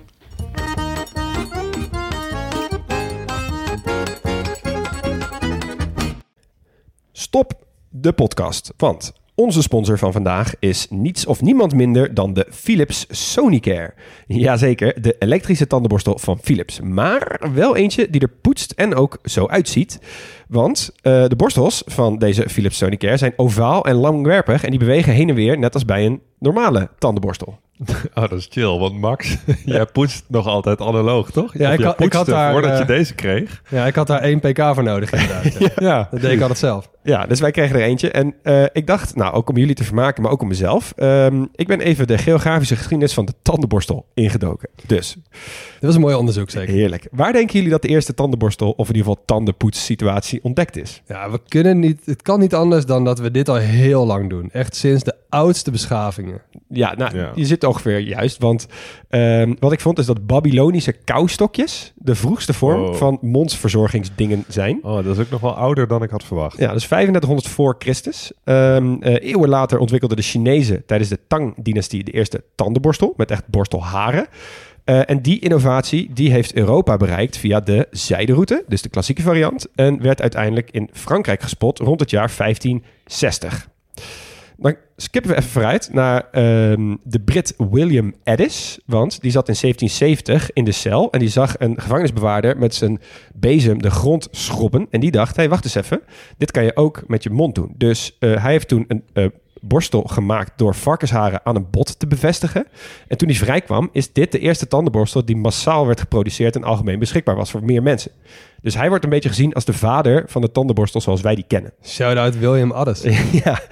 En nu hebben wij hier wat door tandheelkundige professionals over heel de wereld wordt aangemerkt als het meest aanbevolen Sonische tandenborstelmerk, namelijk die Philips Sonicare. En de lieve mensen van Philips hebben ons er eentje opgestuurd, dus ik ben vooral benieuwd. Max, wat vind je ervan? Ja, mijn leven zal nooit meer hetzelfde zijn.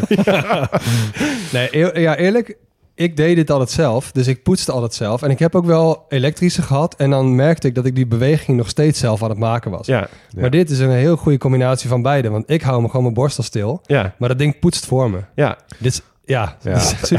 Ja, voor mij is het ook wel een uitkomst. Want ik, ik poets al wel een tijdje elektrisch. Met een beetje pijn in mijn hart. Ik heb altijd een beetje heimwee gehad naar analoog poetsen.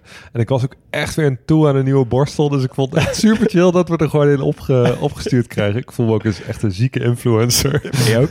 Zei jij niet ook dat, dat jij hem pas toevallig juist op je verlanglijst hebt Ja, gezet? ik had hem echt de dag voordat ze hiermee kwamen... had ik hem eh, op mijn verlanglijst voor mijn verjaardag gezet. Nieuwe tandenborstel. En Leon, Dus- jij, leest, jij leest dit, dit hele mooie studietje nou voor met, met heel veel bombarie. Maar jij was ook die man die zei dat hij al 15 jaar dezelfde tandenborstel had. toch? Zeker, Dus ja. dit kwam wel echt uit voor ons. Ja, het kwam Ja. echt fantastisch uit voor ons. Nou, wil jij ook tot 20 keer effectiever je tanden poetsen en net zo blij zijn zoals deze drie heren dat zijn? Eh, ga dan absoluut voor een Philips Sonicare. Eh, want ik zou bijna willen zeggen, dit is wel de nieuwste innovatie van een 5500 jaar oud modelletje. En dan gaan we nu terug naar de podcast. Terug naar de podcast.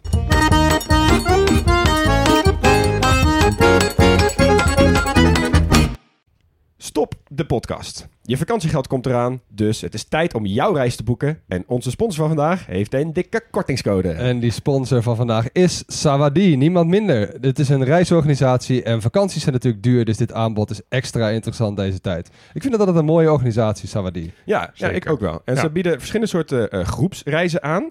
Eh, en vandaag gaan we het even hebben over die ze aanbieden aan de 22 tot 35-jarige backpackers. En dat zijn over het algemeen mensen die wel wat meer willen weten over het land dat ze bezoeken. En dus niet zomaar van A naar B die hotspots aflopen, busje in, busje uit.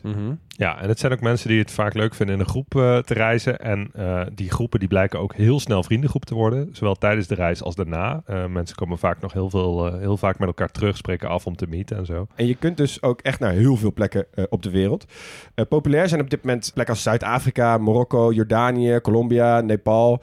Eh, maar bijvoorbeeld ook plekken die normaal gesproken niet altijd makkelijk te bereizen zijn voor, ik zeg maar wat, alleen reizende vrouwen. En dat zijn dan bijvoorbeeld plekken als India. Ja, en ze werken natuurlijk samen met lokale organisaties, niet met de grotere hotelketens. Eh, ze eten bij locals, eh, lopen rond met mensen die heel veel kennis hebben over de lokale gang van zaken. En daar komt de kortingscode om de hoek kijken. Want als je nu een 22 tot 35ers reis boekt, krijg je 100 euro korting met de code TGP100.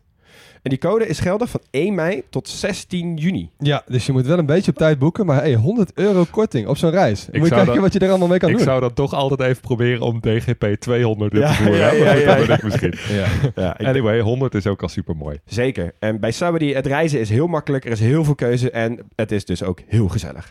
Sawadee, met wie ga jij op reis? Terug naar de podcast.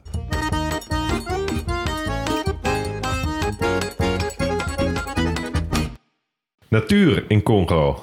Ehm, die is er gelukkig genoeg, dus daar gaan we even naar kijken. Ehm, ja, Congo ligt pal op de Evenaar, dus het is te warm en eh, het regent echt enorm veel. Het is Ja. een van de landen waar het het meest regent eh, ter wereld. En ehm, dat gaat gepaard met heel veel onweer. Oh, Congo is een land waar gigantisch veel onweer voorkomt. Oké. Het is niet hè, de plek waar het het meeste onweert, ligt niet in Congo. Maar als je naar het land als geheel kijkt, dan, dan is het echt een zwarte vlek op de kaart met aantal blikseminslagen per vierkante kilometer per jaar. Er zijn er 50. 50 keer slaat de bliksem in per vierkante kilometer per jaar. Wat? Eh, ter vergelijking, in Nederland is het ongeveer één keer oh, per vierkante kilometer. dat is ook niet veel. Nee. Maar, dat is wel heel een veel. gigantisch verschil. ja. 50 keer zoveel. Heftig. Nou goed, al het regenwater ehm, stroomt ja, bijna allemaal af in de Congo-rivier. En het is daarmee de waterrijkste rivier van Afrika. Dus niet de langste, maar gewoon qua volume water voert hij het meeste af. Hij stroomt ook heel snel, toch? Dat heb ik. Dus dat la- las ik in het boek van Van Rijbroek dat ze vroeger echt fucking veel moeite hadden om die rivier op te roeien, omdat het gewoon echt mega snel ging. Het verschilt per plek en het verschilt hoe hard het de dag ervoor heeft geregend. Ja, Ja. Nou, het grootste deel van Congo is tamelijk plat. Dus daar valt het mee met de stroomsnelheid. Daar is het eigenlijk gewoon een, een groot moerasgebied. Hm. Ehm, maar zeker in het oosten heb je wat meer bergen. Dus daar heb je, heb je inderdaad flinke stroomsnelheden. Maar ja, juist omdat het relatief vlak is, krijgt die, kans, eh, krijgt die rivier de kans om super groot te worden. Ja, klopt. Ja, ja, bij de monding is die ook echt, echt gigantisch. Niet, niet zo breed als de Amazone. Die, die eh, bevat meer water, maar eh, het, het komt wel in de buurt. Nou, die ehm, Congo-rivier die, die kronkelt een beetje het hele land door. Begint in het zuiden, via het noorden naar de Atlantische Oceaan. En ehm, eh, dat hele gebied in het Congo-bekken... dat is na de Amazone het grootste regenwoud ter wereld. Ja. Dus het is een gigantisch regenwoudgebied. En dat betekent natuurlijk een enorme hoeveelheid beestjes. Ja. Dus, Wel vet trouwens dat we eerst Brazilië doen als afsluiter van de eerste, klopt, ja. afsluit- Net te denken. eerste Ja. ding. En dan nu, Ja. de, nu Congo. Congo is in heel veel eh, opzichten eh, de tweede op lijstjes waar Brazilië ook op staat. Ja. Eh, waaronder dit dus, grootste regenwoud. Ehm, eh, ik heb zelfs ergens gelezen dat de helft van alle dieren in Afrika in Congo woont. Lijkt me lastig om die stelling te onderbouwen. Maar goed, dat het er heel veel zijn, dat, Als in de dat hoeveelheid of de soorten? De hoeveelheid. Oké, ja. totale hoeveelheid dieren. Ja, maar dat hadden we in Brazilië natuurlijk ook. Eh, wat ik toen onderzocht, dat is dat je zeg maar, omdat het als het eh, jungle is, heel dicht bevolkt, leveren er moker beestjes op Ja. de grond. Ja, Allemaal klopt. bij elkaar. Ja, je, hebt er geen olifanten. insecten hè? en zo, ja, klopt. Precies, ja. Eh, ik pak een paar bijzondere dieren eruit. Ehm, eerst de Afrikaanse bosolifant. Hebben we ook al even besproken in Cameroen, geloof ik. Ja. Ehm, eh, dat is het kleine olifant. Dus die, die leeft ook niet eh, leeft in het oerwoud, niet op de savanne. Eh, schouderhoogte is ongeveer 2,5 meter. Nog best groot, maar Ja. met zo'n savanne-olifant vergeleken is het, is het, is het niet, zo, niet zo groot. Het gaat helaas niet zo goed met de bosolifant. Er is een kritieke status. Nog maar 30.000 zijn er over. Er zijn natuurlijk veel gewild voor het ivoor ook. Ehm, dan heb je de okapi. Hey, Hey, Ja. Hebben we die al, die een keer besproken? Nee, Nee, dat, nee, dat denk ik niet, want de okapi komt nergens anders voor. Oh, echt? De okapi vind je echt alleen in Congo. Dat is een bruin dier. Het lijkt een beetje op een paard. Het heeft witte strepen op zijn poten. Ehm, maar het is verwant aan de giraf. Het is de, eh, de, de, de, het, ja, de soort die het dichtst bij een giraf ligt. maar dan is de giraf wel een beetje een okapi on steroids dan. ja, als het gaat om de nek wel. Want eh, Oka- okapi heeft geen bijzonder lange nek. Het is een beetje een, een dikke nek zelfs. Uit hij niet van acacia bladeren. Nee. Dat is wel de giraffe zo lang is. Ja, ja, ik denk dat deze lager bij de grond eet. Eh, maar het heeft ook van die, van die kleine hoorntjes en grote oren. Dus als je, het, als je de kop ziet, dan denk je wel, oh ja, giraf. Kijkt hij ook altijd zo, zo, zo dommig uit zijn ogen? Zoals een giraf. Een giraf kan je echt aankijken. Voor iedereen die op safari is geweest, weet dit. Ja, en okapi kan dat ook Een wel giraf kan je echt dom Ja. aankijken. Ja. Verder staat Congo vooral eh, bekend om de mensapen. Eh daar leven gorilla's, ehm, maar ook chimpansees en bonobo's. En chimpansees en bonobo's, dat zijn de mensapen die het meest op mensen lijken. Ehm, we stammen er niet rechtstreeks van af, maar we hebben een gezamenlijke voorouder. Ja. Dus wij zijn eigenlijk een soort neven en nichten van bonobo's en chimpansees. Ja. En we gaan even wat, wat verder inzoomen op bonobo's. Want ook bonobo's zijn endemisch voor dit gebied en eh, komen nergens anders voor. En Ja, dat is mooi, hè, want dan moet je het nu doen. dan moet je het nu doen. En dan mag ik het dus ook nu helemaal los op gaan. En bonobo's zijn echt fantastische dieren. Ehm, het zijn natuurlijk eh, apen met een heel hoog intelligentieniveau. Maar in tegenstelling tot bijvoorbeeld chimpansees zijn ze wat kleiner. Zijn ze ook een stuk minder gewelddadig en nog veel socialer. Dus ze lijken in die zin nog veel meer op mensen. En wat ze ook heel bijzonder maakt, is dat ze net als de mens seks met elkaar hebben voor het plezier. In plaats van puur voor de voortplanting. Er zijn maar heel weinig diersoorten op wereld Ja. die dat hebben. Mensen zijn dat dolfijnen, maar dus ook bonobo's. Ehm, ze doen het ook in verschillende standjes. Het komt voor dat bonobo's van hetzelfde geslacht seks met elkaar hebben. Nou, homoseksualiteit bij dieren is ook dus heel zeldzaam. Bonobo's hebben orale seks en bonobo's masturberen zelfs. Nee, joh. Ja, dat is toch, toch fantastisch. Zo, eh, ik, ik heb jou wel agressief gezien tijdens sommige hoofdstukjes in seizoen 1. Maar je, je, je, je flirt helemaal op. Ja, maar toen ik dit las, dit is, dit is toch, eh, dit is toch eh, fantastisch om te lezen. En ehm ehm, bonobo-gemeenschappen hebben ook een buitengewoon sterke sociale structuur. Seks speelt daarin ook een grote rol. Ehm, om vrede te stichten bijvoorbeeld, om vriendschappen te smeden. En bonobo's zijn dus ook bepaald niet monogaam. Zijn ze heel eerlijk in. Ja, zijn ze heel eerlijk in. nou, ehm, iets verder naar het zuiden vind je wat meer sav- savannegebieden. Daar wordt het wat droger, vind je ook leeuwen en zo. Ehm, in het oosten, zei ik al, daar heb je wat meer relief. Vind je hoge bergen. Eh, de hoogste berg, Mount Stanley. Hey. Vernoemd naar Waarschijnlijk. Ehm, die is meer dan 5000 meter hoog. Zo. Ik had eigenlijk helemaal niet zo'n beeld bij Congo als land met hele hoge bergen. Nee.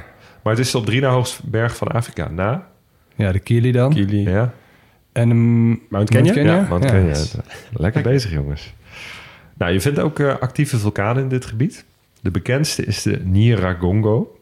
En ehm, dat ligt in het Virunga National Park. Dat, eh, dat park is bekend vanwege de berggorilla's die daar eh, leven. Ja, en de zeer bekende documentaire die erover gemaakt is. Ja, komen we ook nog over te spreken. Ehm, en, en deze vulkaan is super actief. Hij is voor het laatst uitgebarsten in 2021. En wat bijzonder is aan deze vulkaan... is dat het een van de weinig ter wereld is... waarbij de krater permanent is gevuld met lava. Dus What? het is gewoon een lavameer in de krater. En soms staat het, eh, het, ja, het lavapeil hoger eh, dan, dan anders. Dus dat varieert een beetje. Ehm, ehm, maar je ziet dus ook altijd zo'n lavamassa. Dat is gewoon precies hoe je vroeger een eh, vulkaan tekende, zeg maar. Ja, die, die foto's zijn ook echt vet. En het is Ja. de grootste lavameer van de wereld, hè? Ja, grootste lavameer ter wereld, ja. Vet. Ehm, en wat ook bijzonder is, het is een stratovulkaan, dus met steile hellingen. Maar eh, het lava is zo vloeibaar als je zou verwachten bij een schildvulkaan.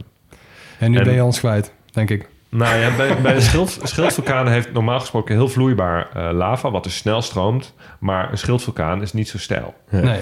Een stratovulkaan is veel spitser, maar heeft heel stroperig, taai mag- eh, magma en lava, wat dus niet zo snel van de berghelling Oh, ja. afrolt. Maar hier heb je dus een combinatie van een vulkaan die wel steil is en snelstromend lava. Oh, Dus dat je maakt vindt zo hier- gevaarlijk waarschijnlijk. Nou, je vindt hier dus de snelste lavastromen ter wereld. Omdat ja, ze dus en stijl en en het heel vloeibaar. vloeibaar. zijn en langs een hele steile helling komen.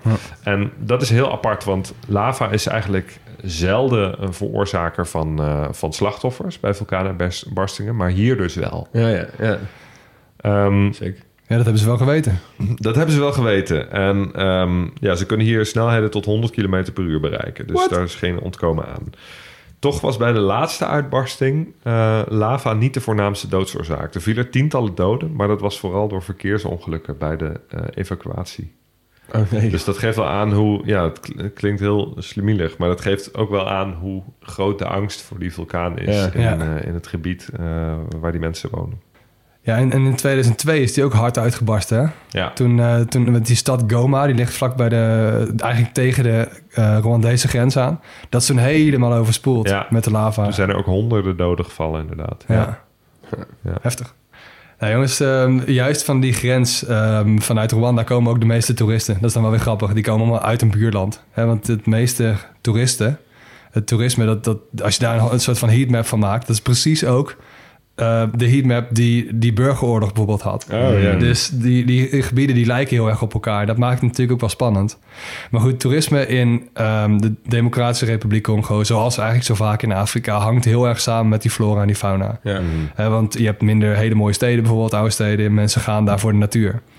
Ehm, vooral nationale parken en dus van die sanctuaries, weet je wel, van die dierenasielen. Niet zoals wij ze kennen, maar bijvoorbeeld voor die Okapi kun je dan heen. Oh ja. Maar het belangrijkste park is wel Virunga. Ehm, ook dus in de oostkant, tegen, in de grensregio met, eh, met Oeganda en met, eh, met Rwanda. En waar veel andere Afrikaanse landen bekend staan... om die klassieke safaris, hè, met die autootjes en die eh giraffes en die nijlpaarden en zo... zijn het hier vooral de expedities naar de holy grail van het wildlife toerisme. Die berggorilla Ja. dus. Daar is Congo echt super groot in. Ehm, het is wel lastig meten hoeveel mensen daar dan op afkomen. Want ja, 350.000 toeristen per jaar las ik veel. Rond die aantallen.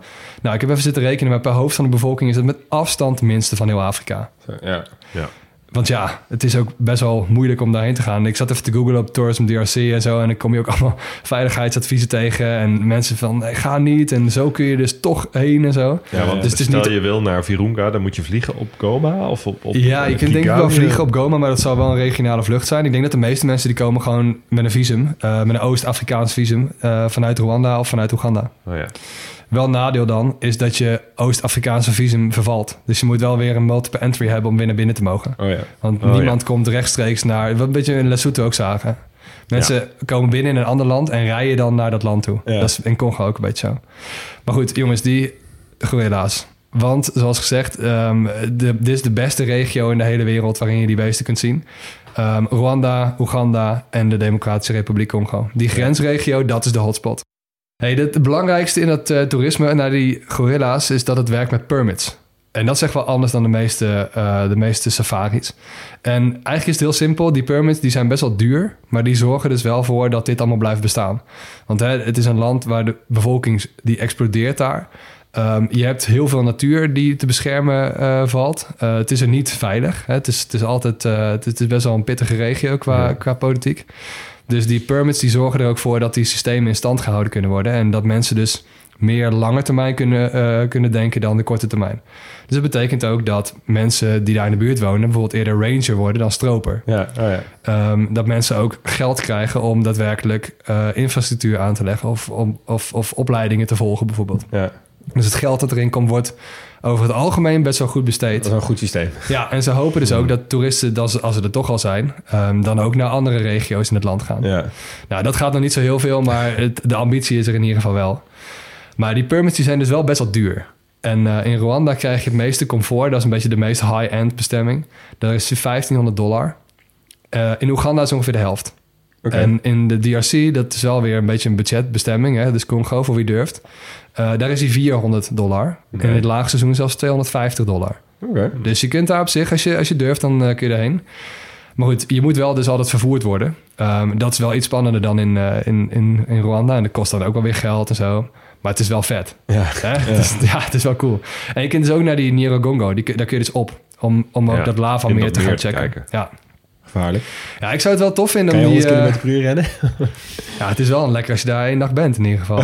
ja, maar die, die expedities zijn dus wel echt anders dan met een wagentje beestjes gaan kijken. Je Ja. gaat echt lopend. En hele kleine groepen, maximaal acht geloof ik. En je gaat diep het woud in. En je gaat gewoon die beesten bekijken in hun habitat. Terwijl ze aan het eten zijn. Volgens mij een derde van, van de dag zijn ze aan het eten. Maar het is de bedoeling eigenlijk dat je ze meer bespioneert... dan dat je ze echt gaat ontmoeten, zeg maar. Ja. Dus je moet echt heel voorzichtig zijn. Je moet niet in de ogen aankijken en zo. Wat je sowieso niet met wilde apen moet doen. Thuis. Nee, precies. Ja. Dus eh, nou ja, ik, eh, ik, ik zou het wel, eh, wel tof vinden om een keer te gaan doen, man. Echt achter, zo- achter zo'n loco met zo'n groot machete mes door de jungle. Dat, Ja. dat lijkt me ook wel vet. Ja. Nou, eh, dan de economie van het land, want daar is toerisme niet een heel groot onderdeel van. Ehm eh een stapje terug in de tijd. Toen ze onafhankelijk werden, waar ik net het geschiedenisstukje ook over had, hè, hoe ze achter werden gelaten door België, daar is best wel discussie over. Want toen was ehm, eh, Congo na Zuid-Afrika het meest geïndustrialiseerde land van Afrika. Eh, ja, met een bloeiende mijnbouwsector en landbouwsector eh, was relatief productief vergeleken met de landen eromheen. Dus het deed het best wel lekker. Maar ja, eh, Max, je vertelde net al decennia van corruptie en oorlog. En ook dus die gevolgen van hoe de Belgen Co- Congo hebben achtergelaten. Politieke instabiliteit en zo. Mhm. En vooral dat ze dus die bestuurlijke belemmering hadden. Omdat ze gewoon niet ervaring hadden hoe ze een land moesten runnen eigenlijk. Dat ze dat niet kregen van de Belgen. Ehm, daardoor is de DRC vandaag... eh, Ongeveer, het, zeg maar, staat in alle lijstjes staan ze ongeveer de laatste, één laatste of tweede laatste. Zeg maar, minst Ja. ontwikkeld, eh, meest corrupt, eh, eh, meest kwetsbaar. Eh, nou, dat gaat allemaal niet, eh, niet heel, heel crescendo. Wat trouwens wel interessant is, ehm, ik sprak Marcel Jabili. Hij is een Congolese jurist en schrijver. Hij woont al zijn hele leven in Kinshasa. En hij zegt dus dat in Congo eigenlijk de stemmen opgaan... dat dus die onderontwikkeldheid en zo... dat het helemaal niet per se door de Belgen komt. Natuurlijk dat het wel een rol heeft gespeeld.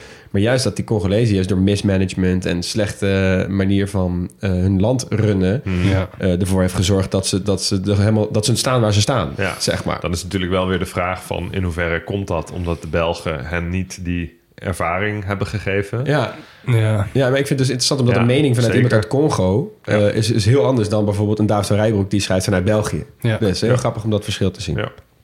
Eh, wat ook niet helpt, daar hebben we het ook een paar keer over gehad, is dat hun wegen zijn echt verschrikkelijk. Ja. Eh, ze hebben minder verharde snelwegen dan enig ander land van de bevolking in omvang. Eh, een totaal van 2250 kilometer, waarvan 1226 kilometer in goede staat. Serieus? dat is echt niks. Dat Nee, is 35 kilometer per 1 miljoen inwoners. En eh, in perspectief van Nederland, ze hebben dus 2250 kilometer. Hoeveel kilometer weg denk je dat Nederland heeft? ja, Verhard? veel. 10.000 of zo. Nou, ik weet niet man. Ik ben heel Ja, slecht. ja, ik, antwoord ja, altijd te snel in wat die tel je allemaal mee? Een verharde snelweg. Verharde weg. Voor Harderweg. Ja, niet snel, Ja, gewoon voor Harderweg. m- Nou, meer denk- dan wat jij zegt. Nou, ik denk, eh Ik denk wel 100.000 14.000. kilometer. 130.000 kilometer. Ik zie ik altijd slecht in die stomme quizjes. Congo heeft dus 2250, hè? Moet je nagaan. Het land Ja, maar dat is gewoon 52 keer zo op en naar de Alpen. Ja. Ja. Ja. Nou goed, wat, eh, maar we hebben het er eerder aan gerefereerd in de intro ook al. Eh Congo heeft eigenlijk alles wat de wereld nodig heeft. Olie, diamant, goud, koper. eh, en nu zijn er heel veel best wel belangrijke mineralen die ook belangrijk zijn. Maar ook andere soorten ingrediënten zoals lithium en coltan, tin, wolfraan. Ehm, en die werden dus gerund door de Belgen bij de Mijnunie. Ehm, maar hier zijn natuurlijk geen Congolezen in het bestuur. Dus tijdens de overdracht werd het ongeveer... na een paar jaar later werd het genationaliseerd. En het heette toen eh, Jekamin. Maar in rond 2000, eh, toen volgde de privatisering. eh, en toen hebben allerlei buitenlandse avonturiers en belangenhebbers... hebben allemaal zich ingekocht in die eh, privatisering, uiteraard. Want hè, Congolezen hebben dat geld niet om daarin te investeren. En daardoor verslechterden de omstandigheden in die mijnen heel erg. En als ironisch gevolg, of eigenlijk heel erg cru gevolg daarvan, omdat die toezicht ook verslechterde, hebben heel veel westerse bedrijven gezegd: ja, ga eerst maar eens even zorgen dat je, dat je goed voor je mensen zorgt. Toen hebben ze allemaal afscheid genomen van die mijnen. Maar ja, het is niet alsof die grondstoffen niet minder nodig werden geweest. Dus wie sprongen er daar bo- bovenop? Ja, vast de Chinezen. Chinezen. Chinese staatsbedrijven voornamelijk. Eh, ja, goeie.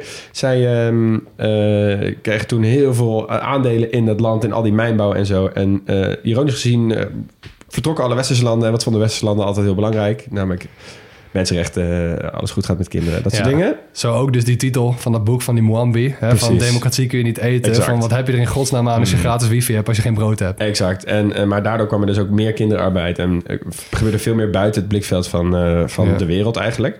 Eh, en eh, wat er eigenlijk wat Congo heel erg veel heeft, dat zijn zogenaamde conflictmineralen. Eh, en die term hebben jullie vast wel gehoord. Ja. Het gaat wel wat dieper dan wat ik dacht dat het was. Het zijn zeg maar mineralen uit conflictgebieden natuurlijk, maar ze hebben daardoor ook een specifiek label, waardoor je dus in het westen daar bijvoorbeeld niet in mag handelen. Dat soort Is het meer een beetje de grondstoffenversie van Blood Diamond? Ja. maar Blood Diamond is meer een soort...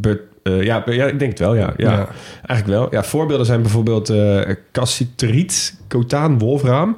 En dus in Congo ook goud. Want dat wordt dus ook gewonnen in conflictgebieden... onder zware omstandigheden die niet altijd goed worden gemanaged.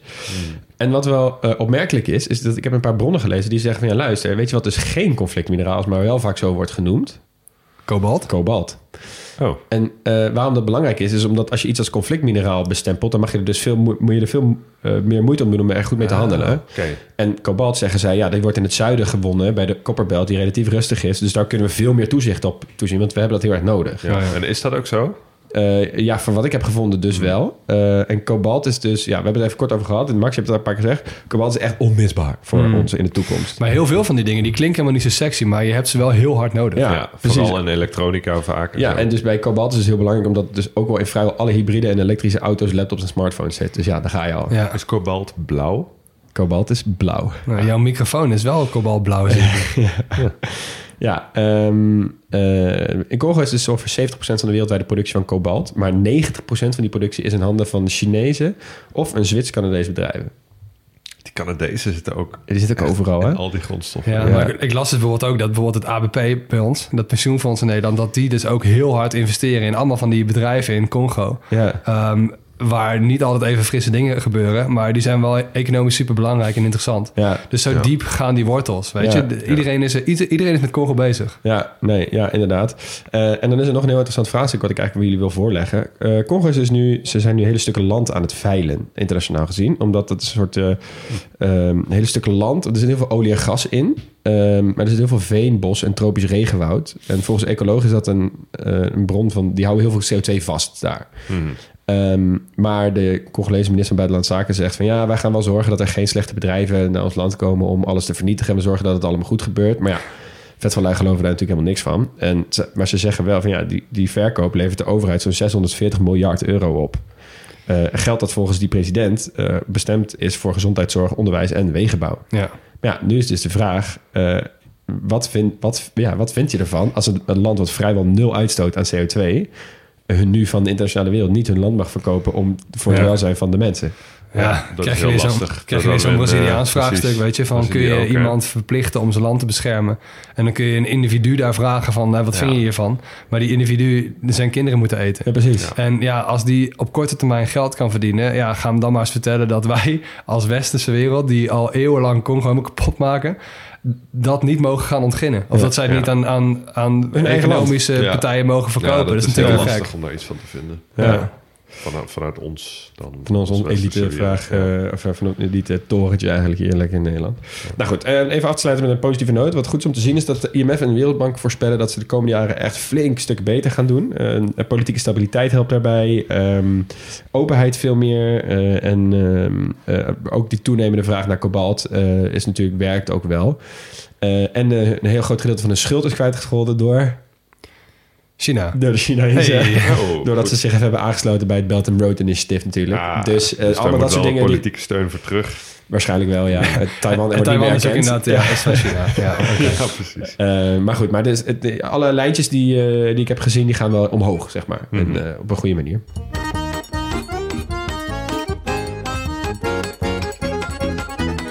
Oké jongens, kunst.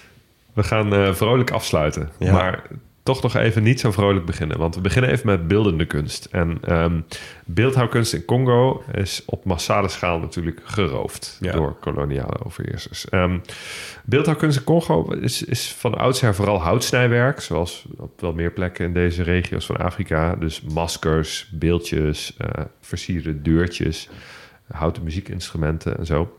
En ehm, nou, die werden dus eh, gepikt omdat ze al heel snel in het Westen populair werden. Ehm, eh, tegenwoordig zijn ze dat overigens nog steeds, maar nu is het meeste ofwel rechtmatig verkregen. Of het wordt gewoon nagemaakt. Want eh, eh, in België wordt, wordt superveel eh Afrikaans houtsnijwerk voor de Europese markt gewoon nagemaakt. Oh, joh. Ja. ja. Ehm, maar vandaag de dag is er dus nog steeds best wel veel roofkust uit Congo in België. En vooral in het Afrika Museum in Tervuren. Tervuren is een, eh, een plaatsje iets ten oosten van Brussel. En eh, daar ligt een museum en dat, is, eh, dat Afrika Museum is al jaren heel omstreden. Want het is voortgekomen uit de persoonlijke collectie van koning Leopold. Uiteraard. Ehm, en is eh, gesticht in 1897 als onderdeel van de wereldtentoonstelling in Brussel. En ehm, voor die tentoonstelling zijn bijvoorbeeld ook drie volledige Congolese dorpen nagebouwd buiten het museum. Oh. En er zijn 300 eh Congolezen eh, naartoe gehaald en die werden daarin tentoongesteld. Ja. Nee joh, dat is een dierentuin. Ja, als een soort dierentuin, een soort menselijke dierentuin. En dat verliep ook dramatisch, want eh, het was winter in België. En die hutten die waren gewoon gebouwd zoals ze er staan in Congo. Oh god. Dus er zijn Congolezen ook gestorven eh, door de kou.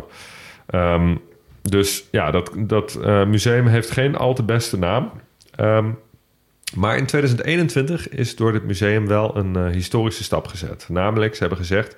alle kunst waarvan aantoonbaar is dat het onrechtmatig is verkregen... is eh, vanaf, vanaf nu niet meer van ons. Als eh, Congo erom vraagt, kunnen ze het onmiddellijk terugkrijgen. Oké. Dat is alsnog maar 1% van de collectie. Maar er wordt wel van een steeds groter deel van de collectie beter onderzocht van oké, hoe zijn we daar aangekomen? Ja, Ja. met een beetje geluk hebben ze over tien jaar moet je bewijzen Ja, dat het wel precies. rechtmatig Dus verkregen dit is wel een proces. Dit, dit speelt in meer landen. Frankrijk, eh Emmanuel Macron is hier ook, ook heel Ja. veel mee bezig. Daar hebben we het over gehad. Ja, dus dit is wel een ontwikkeling die de laatste jaren heel erg aan het spelen is. En nou, dat is, eh, dat is toch positief. Ja, wanneer gaat de British Natural of National Museum al hun piramides en zo Nou, teruggeven? nou, dat inderdaad, ja. Nog een wereld te winnen. Maar dan, even over naar muziek. Ja, En ik beloof het, nou wordt het heel leuk. Want Congolese muziek is echt groot. Heel groot. Het is super invloedrijk geweest in, eh, in, in de hele muzikale wereld in Afrika, maar ook daarbuiten. Eh, bijvoorbeeld de merengue en de rumba, die we toch met, Ja. met de Cariben associëren, die zijn eigenlijk voortgekomen uit Congolese muziekstijlen. Hè, de- met tot slaafgemaakte meegekomen. Ja. Ehm, in de 20e eeuw is de Cubaanse rumba eigenlijk weer teruggewaaid naar Congo. En daar vermengd met moderne Afrikaanse muziek tot een genre dat we kennen als Afrikaanse of Congolese rumba. En dat wordt ook wel soukous genoemd. Oké. Het is een beetje hetzelfde als eigenlijk in Senegal. K-O-U-S. Ja, een beetje hetzelfde als in Senegal. Het, het levert vergelijkbare feestjes van, eh, van eh, klanken op. Ehm, en vrijwel alle moderne Congolese muziek valt binnen dat genre. Eh, en, en ja, wie wel wordt gezien als de vader achter het genre... dat is Joseph Athanase Chamala Kabasele. Beter bekend als Le Grand Calais. Oké. En we gaan even een stukje luisteren naar een liedje... wat hij schreef over de onafhankelijkheid van Congo. Dus Kijk. we hebben het over de jaren 50, 60. Indépendance, cha-cha, tozumie. Okikwanza, cha-cha, tubakidi. Otableron, cha-cha, baganyeo. Dat is, dat is een mooie toevoeging voor de grote popatlas. Ja, maar ik hoor ook best wel wat, eh, wat gelijkenissen met jouw Cubaanse muziekhoofdstukje bijvoorbeeld. Ja. Ja, Ja. zeker. Dat hoor je er echt wel terug. ja. Andere superbekende band in de, in de eh, Congolese muziek is eh Tepok Jazz. Ehm, dat is een band die heeft bestaan van de jaren 50 tot de jaren 90. heeft in totaal 87 leden gehad. Dus dat is een gigantische wisselende samenstelling geweest. Niet Een tegelijk. beetje- nee, niet tegelijk. Nee, nee, nee. Eh, Het was echt een komen en gaan. Eigenlijk alle bekende Congolese zangers... die hebben er wel een tijdje in gezeten. Dus het is een beetje het... Oh ja, de eh, Buena wat- Vista wat, Social Club eh, van Congo. Ja, of, of wat goede tijden, slechte tijden is voor de Nederlandse act- acteurswereld, is dit voor de Congolese muziek. Maar de leadzanger is eigenlijk altijd François Luambo Luanzo Macchiadi eh, geweest. Kortweg Franco.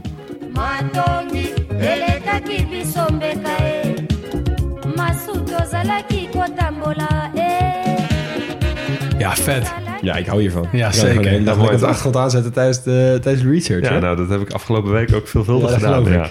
En dan heb je nog eh, Jules Chungu Wembadio Pene Kikumba. Wat een namen, joh. Dat Ja, is echt allemaal super lang. Die kun je wel wedijveren met die Braziliaanse naam van vorige keer. Nou hè, maar gelukkig kennen we hem vooral als Papa Wemba.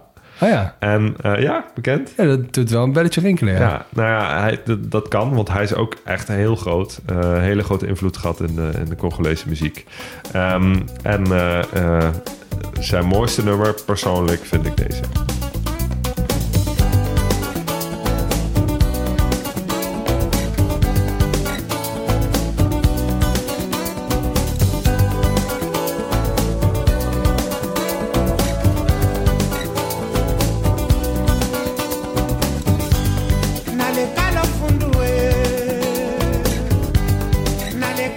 Lekker gitaartje in. Ja, Ja, ik vind het Nou, lekker daar staat hij ook bekend om. Hij Ja. is dus degene die die gitaarsolo's er, erin verwerkt. Lekker man. Ja. Ja.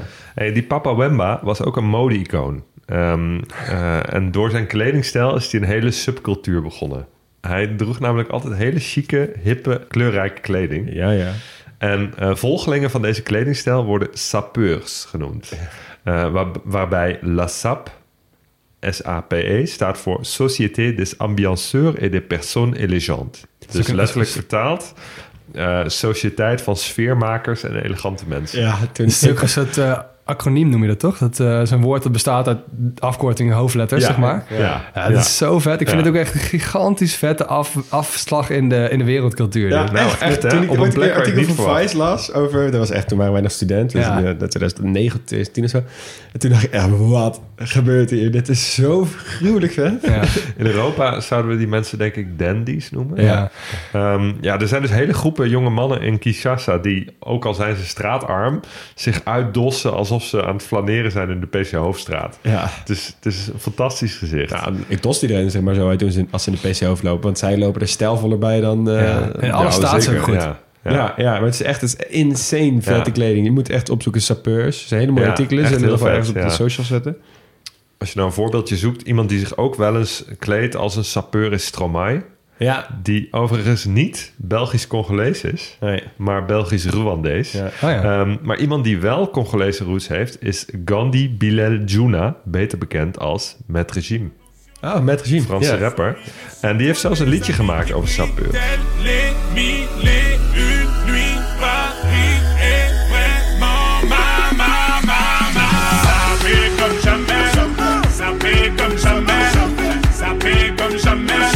Met regime ken ik wel. Ja, ik vind het heel vet. Ja, ik ook. Ik heb hem zelfs nog een keertje live gezien in Nederland. Echt waar? Ja, joh. Wist je dat hij over sapeurs zong? Nee, dat wist ik niet. Nee. Nee, ja, ik kende dit nummer dus wel. Alleen nooit geweten dat dit over sapeurs ging. Gruwelijk. Ja, tof. Dan nog heel even kort over films. Ehm, de Congolese filmindustrie heeft niet heel veel internationaal aanzien. Maar twee films over Congo kan ik wel aanbevelen. De eerste is eh, The Siege of Jadotville. Dat is een waargebeurd verhaal over een groep eh, Ierse blauwhelmsoldaten... die in eh, 1961 gelegerd waren in het zuiden van Congo. Ze waren met 155 man. En ze hebben eh, eh, 1300 tegenstanders, rebellen, neergeschoten... zonder zelf een dodelijk slachtoffer te hebben. Ja, dat is gigantisch. Ehm, eh, ze moesten zich uiteindelijk overgeven... omdat ze zonder munitie kwamen te zitten. Ja. En de Zweedse en de Indiaanse troepen... die moesten ze aflossen, die kwamen eigenlijk te laat. Oh nee. Een andere film is Virunga, natuurlijk. Ehm, de film over de inspanningen van een groep Congolezen in dat nationale park. Ja. Om het leefgebied van die gorilla's te beschermen. Heel indrukwekkend. Ehm, eh, maakt heel mooi duidelijk hoe eigenlijk te midden van een burgeroorlog. eh, multinationals op de, op de loer liggen. Eigenlijk op zoek naar die grondstoffen. En tegelijkertijd die gorilla's worden bedreigd. Ja, echt heel indrukwekkend. Ja. Staat gewoon op Netflix trouwens. Wat ik niet zo aanraad is eh Tenten au Congo. Kuifje in eh, Afrika. Oh, ja. Want nou, ik ben echt een groot Kuifje-fan. Hè? Dat zeg ik, zeg ik er eerlijk bij. Ah, ja. maar Kuifje in Afrika is echt verreweg het slechtste album. En het is ook, als je dit nu leest... Kan echt niet meer, of wel? Echt niet. Het Nee? is echt afschuwelijk racistisch. Ja? Ja, het is echt heel erg. Oké, eh keukentje. Wat eten de mensen in Congo? Ehm, ja, jullie zijn was vast wel heel vaak de term staple food tegengekomen, basisvoedsel. Maar ik dacht, misschien is het goed om even uit te leggen wat dat nou precies is. Het is Ja. eigenlijk gewoon een soort dominant onderdeel voor, van je dieet van de bevolking. Ja. Dus bij ons is een staple food echt typisch aardappel bijvoorbeeld. Ja. Dat eten heel veel mensen gewoon nog standaard AVG eh, bij een avondeten. Voor heel veel andere mensen ter wereld is het rijst. Ehm, eh, en het meeste is goedkoop en plantaardig. Vooral in landen als Congo, wat je makkelijk bij kan. Maar waar we dus eh, achter kwam, dat je dus verschillende staple foods hebt in Congo per verschillende regio. Omdat het land zo pokkengroot is en Ah, je overal verschillende dingen hebt. Dus dat vond ik wel grappig. Ik kan wel raden wat in het oosten is. Namelijk, Ugali. Ja, ugali. Nou ja, je hebt, zeg maar, het is- je hebt er veel aardappel ook dus. Dus het is ook nog, eh, ugali is eigenlijk vrijwel overal. In het westen fufu fufu. Ja. Ja, inderdaad. En de cassave, maar ook veel eh, vis daar uiteraard. Ja, dat is niet echt staple food, maar wordt daar wel veel gegeten. En in het noorden heb je dus, wordt inderdaad veel cassave gegeten met, eh, met veel vlees. En in het zuiden heb je dus weer ineens heel veel mais. En eh pulvruchten en zoete aardappel en zo. En dan is in het oosten inderdaad aardappel, bonen, eh cassave. Ehm, eh, en eh, in het westen, hè, zoals ik al zei, cassave, maar ook vis en vlees en groentes. Eh, wat grappig is, is dat je dus... Je, traditioneel is de hoofdmaaltijd in Congo om drie uur 's middags. Oh, En dan is iedereen aanwezig. Eh, dat is natuurlijk nu, oh, het verschilt overal. Hè. Kijk, in, de, in Kinshasa stad zal het ongetwijfeld anders zijn. En het is natuurlijk ook of je naar school gaat of naar werk gaat. Maar traditioneel is de hoofdmaaltijd gewoon om drie uur 's middags. Eh, en dan eet je dus gewoon eh, met alle mensen samen in één grote, eh, één grote pot. En dan heeft iedereen zijn vingers in die pot. En dan eet je gewoon uit die pot. Fucking gezellig. Ja. ja. Eh, en eh je zit een hele dikke saus zit er vaak. Hè? Een beetje de, die ugali eh, waar we het over hebben. Dat het lijkt daar soms een beetje op. Maar bijvoorbeeld ook igikoma is een soort, eh, ja, een soort eh, eh, fijn gestampte maispap. Oh ja. En dat gebruiken ze en daar gooien ze allemaal groentes en dingen in. En dat dan heel lekker. Eh, je hebt sombe, dat is een soort boerenkool. Alleen dan van cassave leaves gemaakt. Oh, Oh, ja. grappig. Zoiets hadden we in Cameroen ook. ja, Ja, dat, krijg je ook vaak als je dan in Oost-Afrika bijvoorbeeld, als je die ugali eet, dan krijg je dat er als groente bij, zeg maar. En als Ja. je geluk hebt, krijg je er ook nog een visje of een kippetje of wat dan ook bij. Ja, precies. Ja, nou, dat zie je ook weer bijvoorbeeld best wel veel. Eh, en wat ik vet vind is, je hebt eh, in eh, Kinshasa, omdat dus heel veel mensen uit alle regio's komen, heb je dus heel veel Ganda-restaurants. En die serveren dus specifiek speciaal eten uit bepaalde streken, die we dus net hebben genoemd. Eh, en die worden vrijwel bijna allemaal gerund door ongehuwde vrouwen of weduws. Oh. Om eh, onafhankelijk inkomen te krijgen. Oh, maar zoals wij gewoon, zeg maar, Italiaanse restaurants hebben, of Spaanse restaurants, of Portugese Er is daar restaurants. een Congolees noordelijk Daar restaurant. hebben ze zoveel volkeren in één land wonen, dat ze dat gewoon nationaal kunnen doen. Ja, ja, inderdaad. En allemaal in Kinshasa. Het is vet gezellig. Ehm, wat, wat drinken ze er nou bij? Nou, eh, over het algemeen eh, drinken ze ook gewoon veel frisdrank. En ze drinken ook best wat bier. Eh, er wordt veel Heineken gedronken daar ook. Eh, maar wat ze dus ook drinken is Lotoko. Eh, en is ook bekend onder de naam Petrol. Oei. Oei. Ja, daar ga je al. Eh, het is een zelfgedestilleerde alcoholische drank. Eh, Klinkt gevaarlijk. Ja, Klinkt Laotiaans. klinkt Laotiaans. Ik vind het dus wel vet. In Amerika, ze noemen dit is moonshine. Dat vind ik altijd een mooie term. Ja, ja, Dat is ja. gewoon een zelfgestokte drank. Ja, dat is ook Ja, gewoon zo'n allesomvattende term. Voor Precies, alles wat ja. eigenlijk niet deugt en wij blind van worden. Ja, ja precies. Nou, het wordt meestal gemaakt van mais, maar soms ook van cassave of bakbanaan. Of in het Engels plantain. Ja. Ehm, eh, eigenlijk wat eigenlijk gebeurt is gewoon mais wordt een beetje gekookt tot een puree. En er wordt dan gefermenteerd en gedestilleerd. Eh, en wordt, van, eh, geïmproviseerde, wordt dan in geïmproviseerde soort vaten bewaard. Dat zijn dus oude olievaten die ze dus in elkaar hebben gehakt. Oh, dat vandaar dat ook nog is. wordt genoemd. Ja, en eh is natuurlijk officieel verboden. En dat heeft over het algemeen meer dan 50% eh, alcohol in het. Maar iedereen kent het in, Ja. in eh Dr. Congo. Iedereen weet precies eh, wat het is en hoe het smaakt en zo. En ook Lotoko wordt dus op een bepaalde manier, op een bepaalde manier geproduceerd... dat het voornamelijk vrouwen zijn die het doen... om financiële onafhankelijkheid te vergaren van de mannen. Grappig, hè? Cool. Ja. Nou, ik heb bij sport nog wel wat meer over vrouwen. Daar gaan we het zo meteen over hebben. Eerst eventjes de medailles. Niet gehaald. Dus eh, na Bangladesh zijn zij ook het land met de grootste bevolking... dat nog nooit een medaille joh. heeft Oh, gewonnen. Dat verbaast mij, joh. Eigenlijk. Ja, ja, ja, sorry. Populair sport wel voetbal. Eh, maar de laatste decennia niet zo succesvol. Ooit in de ver verleden hebben ze wel de Afrika Cup twee keer gewonnen. Eh laatste keer in 1974. Maar ja, goed, hè, nogmaals, vul je geen hoofdstuk mee. Eh, wat wel interessant is, hebben samen met Marokko de laatste jaren... eh, zijn zij het succesvolste land geweest in die African Nations Championship. Blijf erop terugkomen. Dat toernooi in Afrika waar je dus alleen aan mee mag doen... als je in eigen land speelt. Eigen land ja. Vind ik nog steeds een zalig toernooi. Waar hebben we die Ehm, besproken? In Tunesië. Ah, helemaal Heel, begin. heel, eh, heel vroeg. Ja. Ja. Leg het nog eens kort uit voor de mensen Nou ja, die het goed, je hebt gewoon een soort Afrika Cup, eh, een soort EK, maar dan voor Afrika. Eh, alleen, je mag alleen maar meedoen als jij in eigen land speelt. Ja. Dus alle mensen die ver in Europa in dit geval spelen, die mogen niet meedoen. Nee. Dus dan kreeg je veel leuke toernooien eigenlijk. maar goed, die hebben ze dus in 2009 en 2016 gewonnen. Nou, doen ze goed. Tegenwoordig heb je dus in Europa, zeker in België, heel veel spelers die opgegroeid zijn. Of die, die in ieder geval eh Congolese roots hebben. Dus heel veel, ehm, dan moet ik het heel netjes zeggen, eh, spelers van Afrikaanse afkomst in het Belgische team Ja. hebben dus ook Congolese roots. Ja. En dat begon een beetje met de broertjes Emile en Bo Mpenza. Oh, ja. Eh, Christian Benteke heb je bijvoorbeeld. Loïs Ja. Openda, die vorig jaar bij Vitesse speelde. Ja. Juri Tielemans, eh Michi Batshuayi.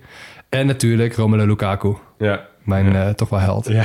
En eh, voordat ik een rectificatie in mijn broek krijg... eh Divok Origi is van Keniaanse afkomst. dus toch even gezegd. Nou, in Kinshasa wordt vooral gespeeld in het nationale stadion Stade de Martyr. stad van de, of, de stadion van de Martelaren. In 1994 geopend. Best wel een spannend jaar. Gebouwd met Chinees geld. En weer een mooi voorbeeld van die stadium diplomacy... waar we in Ja, eh, ja. Tanzania over hadden. Echt een bizarre lijst. Ga daar ook even een kijkje in nemen. Heel klein uitstapje. Je hebt dus ook panda diplomacy. Oh Ja. Dat hebben wij toch De gewoon. Chinezen die gewoon panda's leasen aan de rest van de wereld. En wij inderdaad in Renen ook Ja, gezien. we hebben toch twee van die pandas in renen gedropt. Ja, Ja. absoluut. Maar goed, jongens, ik zei dat ik even op, eh, op vrouwen zou uitkomen. En eh, ik wil jullie even meenemen nemen naar eh, Nzango. En Nzango is eigenlijk een soort Congolese kabaddi. Echt? Oh, Ja. heb je iets gevonden? Ik heb iets gevonden. Het is echt een super jonge sport. Echt uitgegroeid van een soort van spelletje op speelplein. En dat is echt een sport geworden. Ja. En het grappige is dus dat die sport bijna uitsluitend beoefend wordt door vrouwen. Oké. En er zijn ook teams en nationale wedstrijden inmiddels. Het is echt wel groot geworden. En het grappige is, het is een combinatie van dans, zang, hinkelen en rock, paper, scissors. Wat? Ja, Zijn hier YouTube-filmpjes dan? jazeker. Ah. En ik zal je ook even eentje laten horen zometeen, want dan weet je ongeveer wat de achtergrond is. Kleine uitleg. Je hebt een langgerekt rechthoekig speelveld. En die wordt over de lengte verdeeld in twee helften. Dus twee hele langwerpige helften krijg je. Oké. En er staan twee teams in van elf speelsters. En die staan allemaal op een rij tegenover hun directe te- tegenstandster. Ehm, zes reserves heb je ook. Die staan naast het veld. Die zingen en geven het ritme van het spel aan. Vet. En dat ritme, of dat, eh, dat, dat zingen, dat, dat klinkt zo.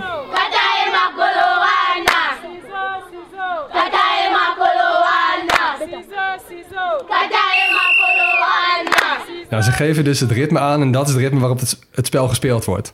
En het idee is een beetje, je blijft dansen ehm, en je hebt een aanvallend en een verdedigend team. En die beurten die wisselen de hele tijd. En van tevoren spreek je af welk team met welke voet gaat aanvallen. En het idee is een beetje dat je dus op de beat van die muziek, dus op het ritme, spring je omhoog en schop je met één been de lucht in. En jouw tegenstander moet jou volgen, maar het gaat allebei tegelijkertijd. Dus vandaar de rock, paper, scissors. Ehm, als beide benen in de lucht zijn, kun je geen punt verliezen. Dus daarom springt iedereen eerst omhoog en dan maken ze die beweging. Ja. Als jij de verdedigende speelster bent en je maakt een fout, dan krijgt het aanvallende team een punt.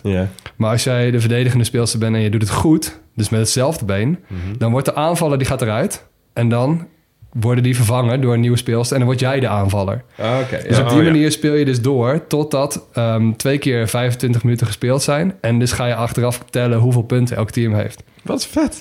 Dus hier zit ook een beetje, het lijkt pure toeval natuurlijk. Hè? Van hey, welk been.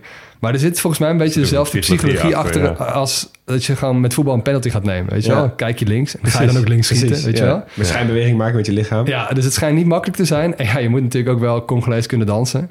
Maar ik vind het heel vet. En ehm, in 2015 op de African Games, nog zo'n lekker toernooitje, Ja. is dit ook een demonstratiesport geweest. In Brazzaville, de spelen ze daar. Ah, vet. Dus eh, alleen door vrouwen. Wat vet. Heel Wat een geniale sport.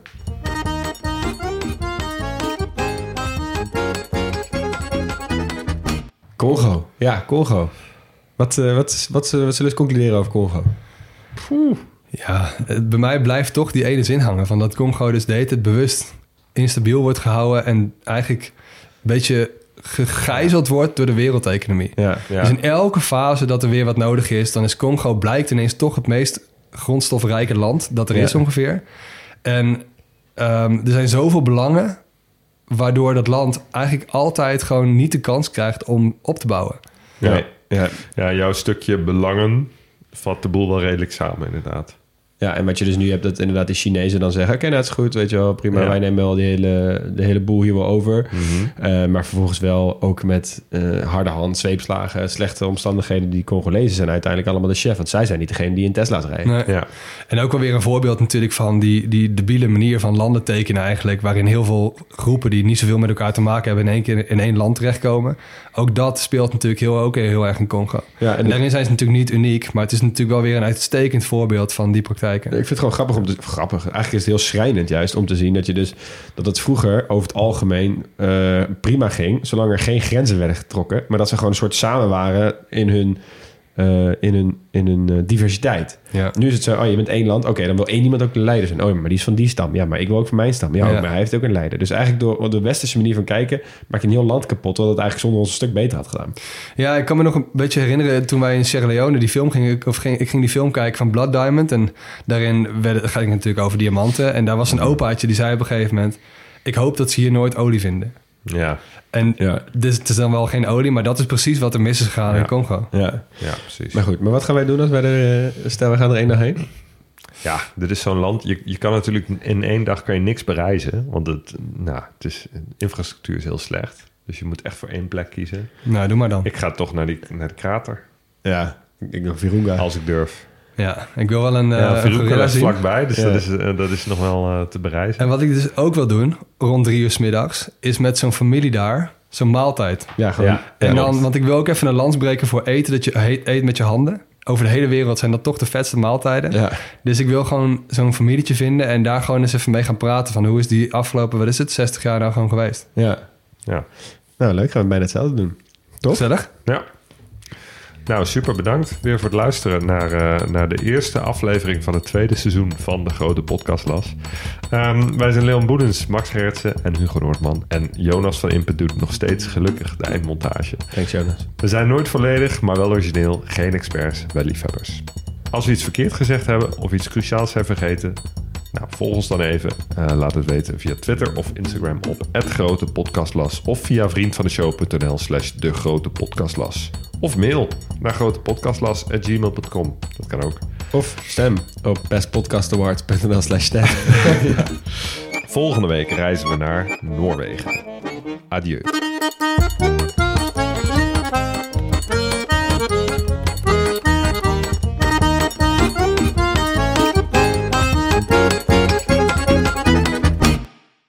Yo, luisteraar. Luister je nog steeds? Klasse, man. Je hebt er gewoon helemaal afgeluisterd. Nou, nu je tot hier bent gekomen, koop dan ook gelijk even ons boek, hè. grotepodcastlas.nl slash boek.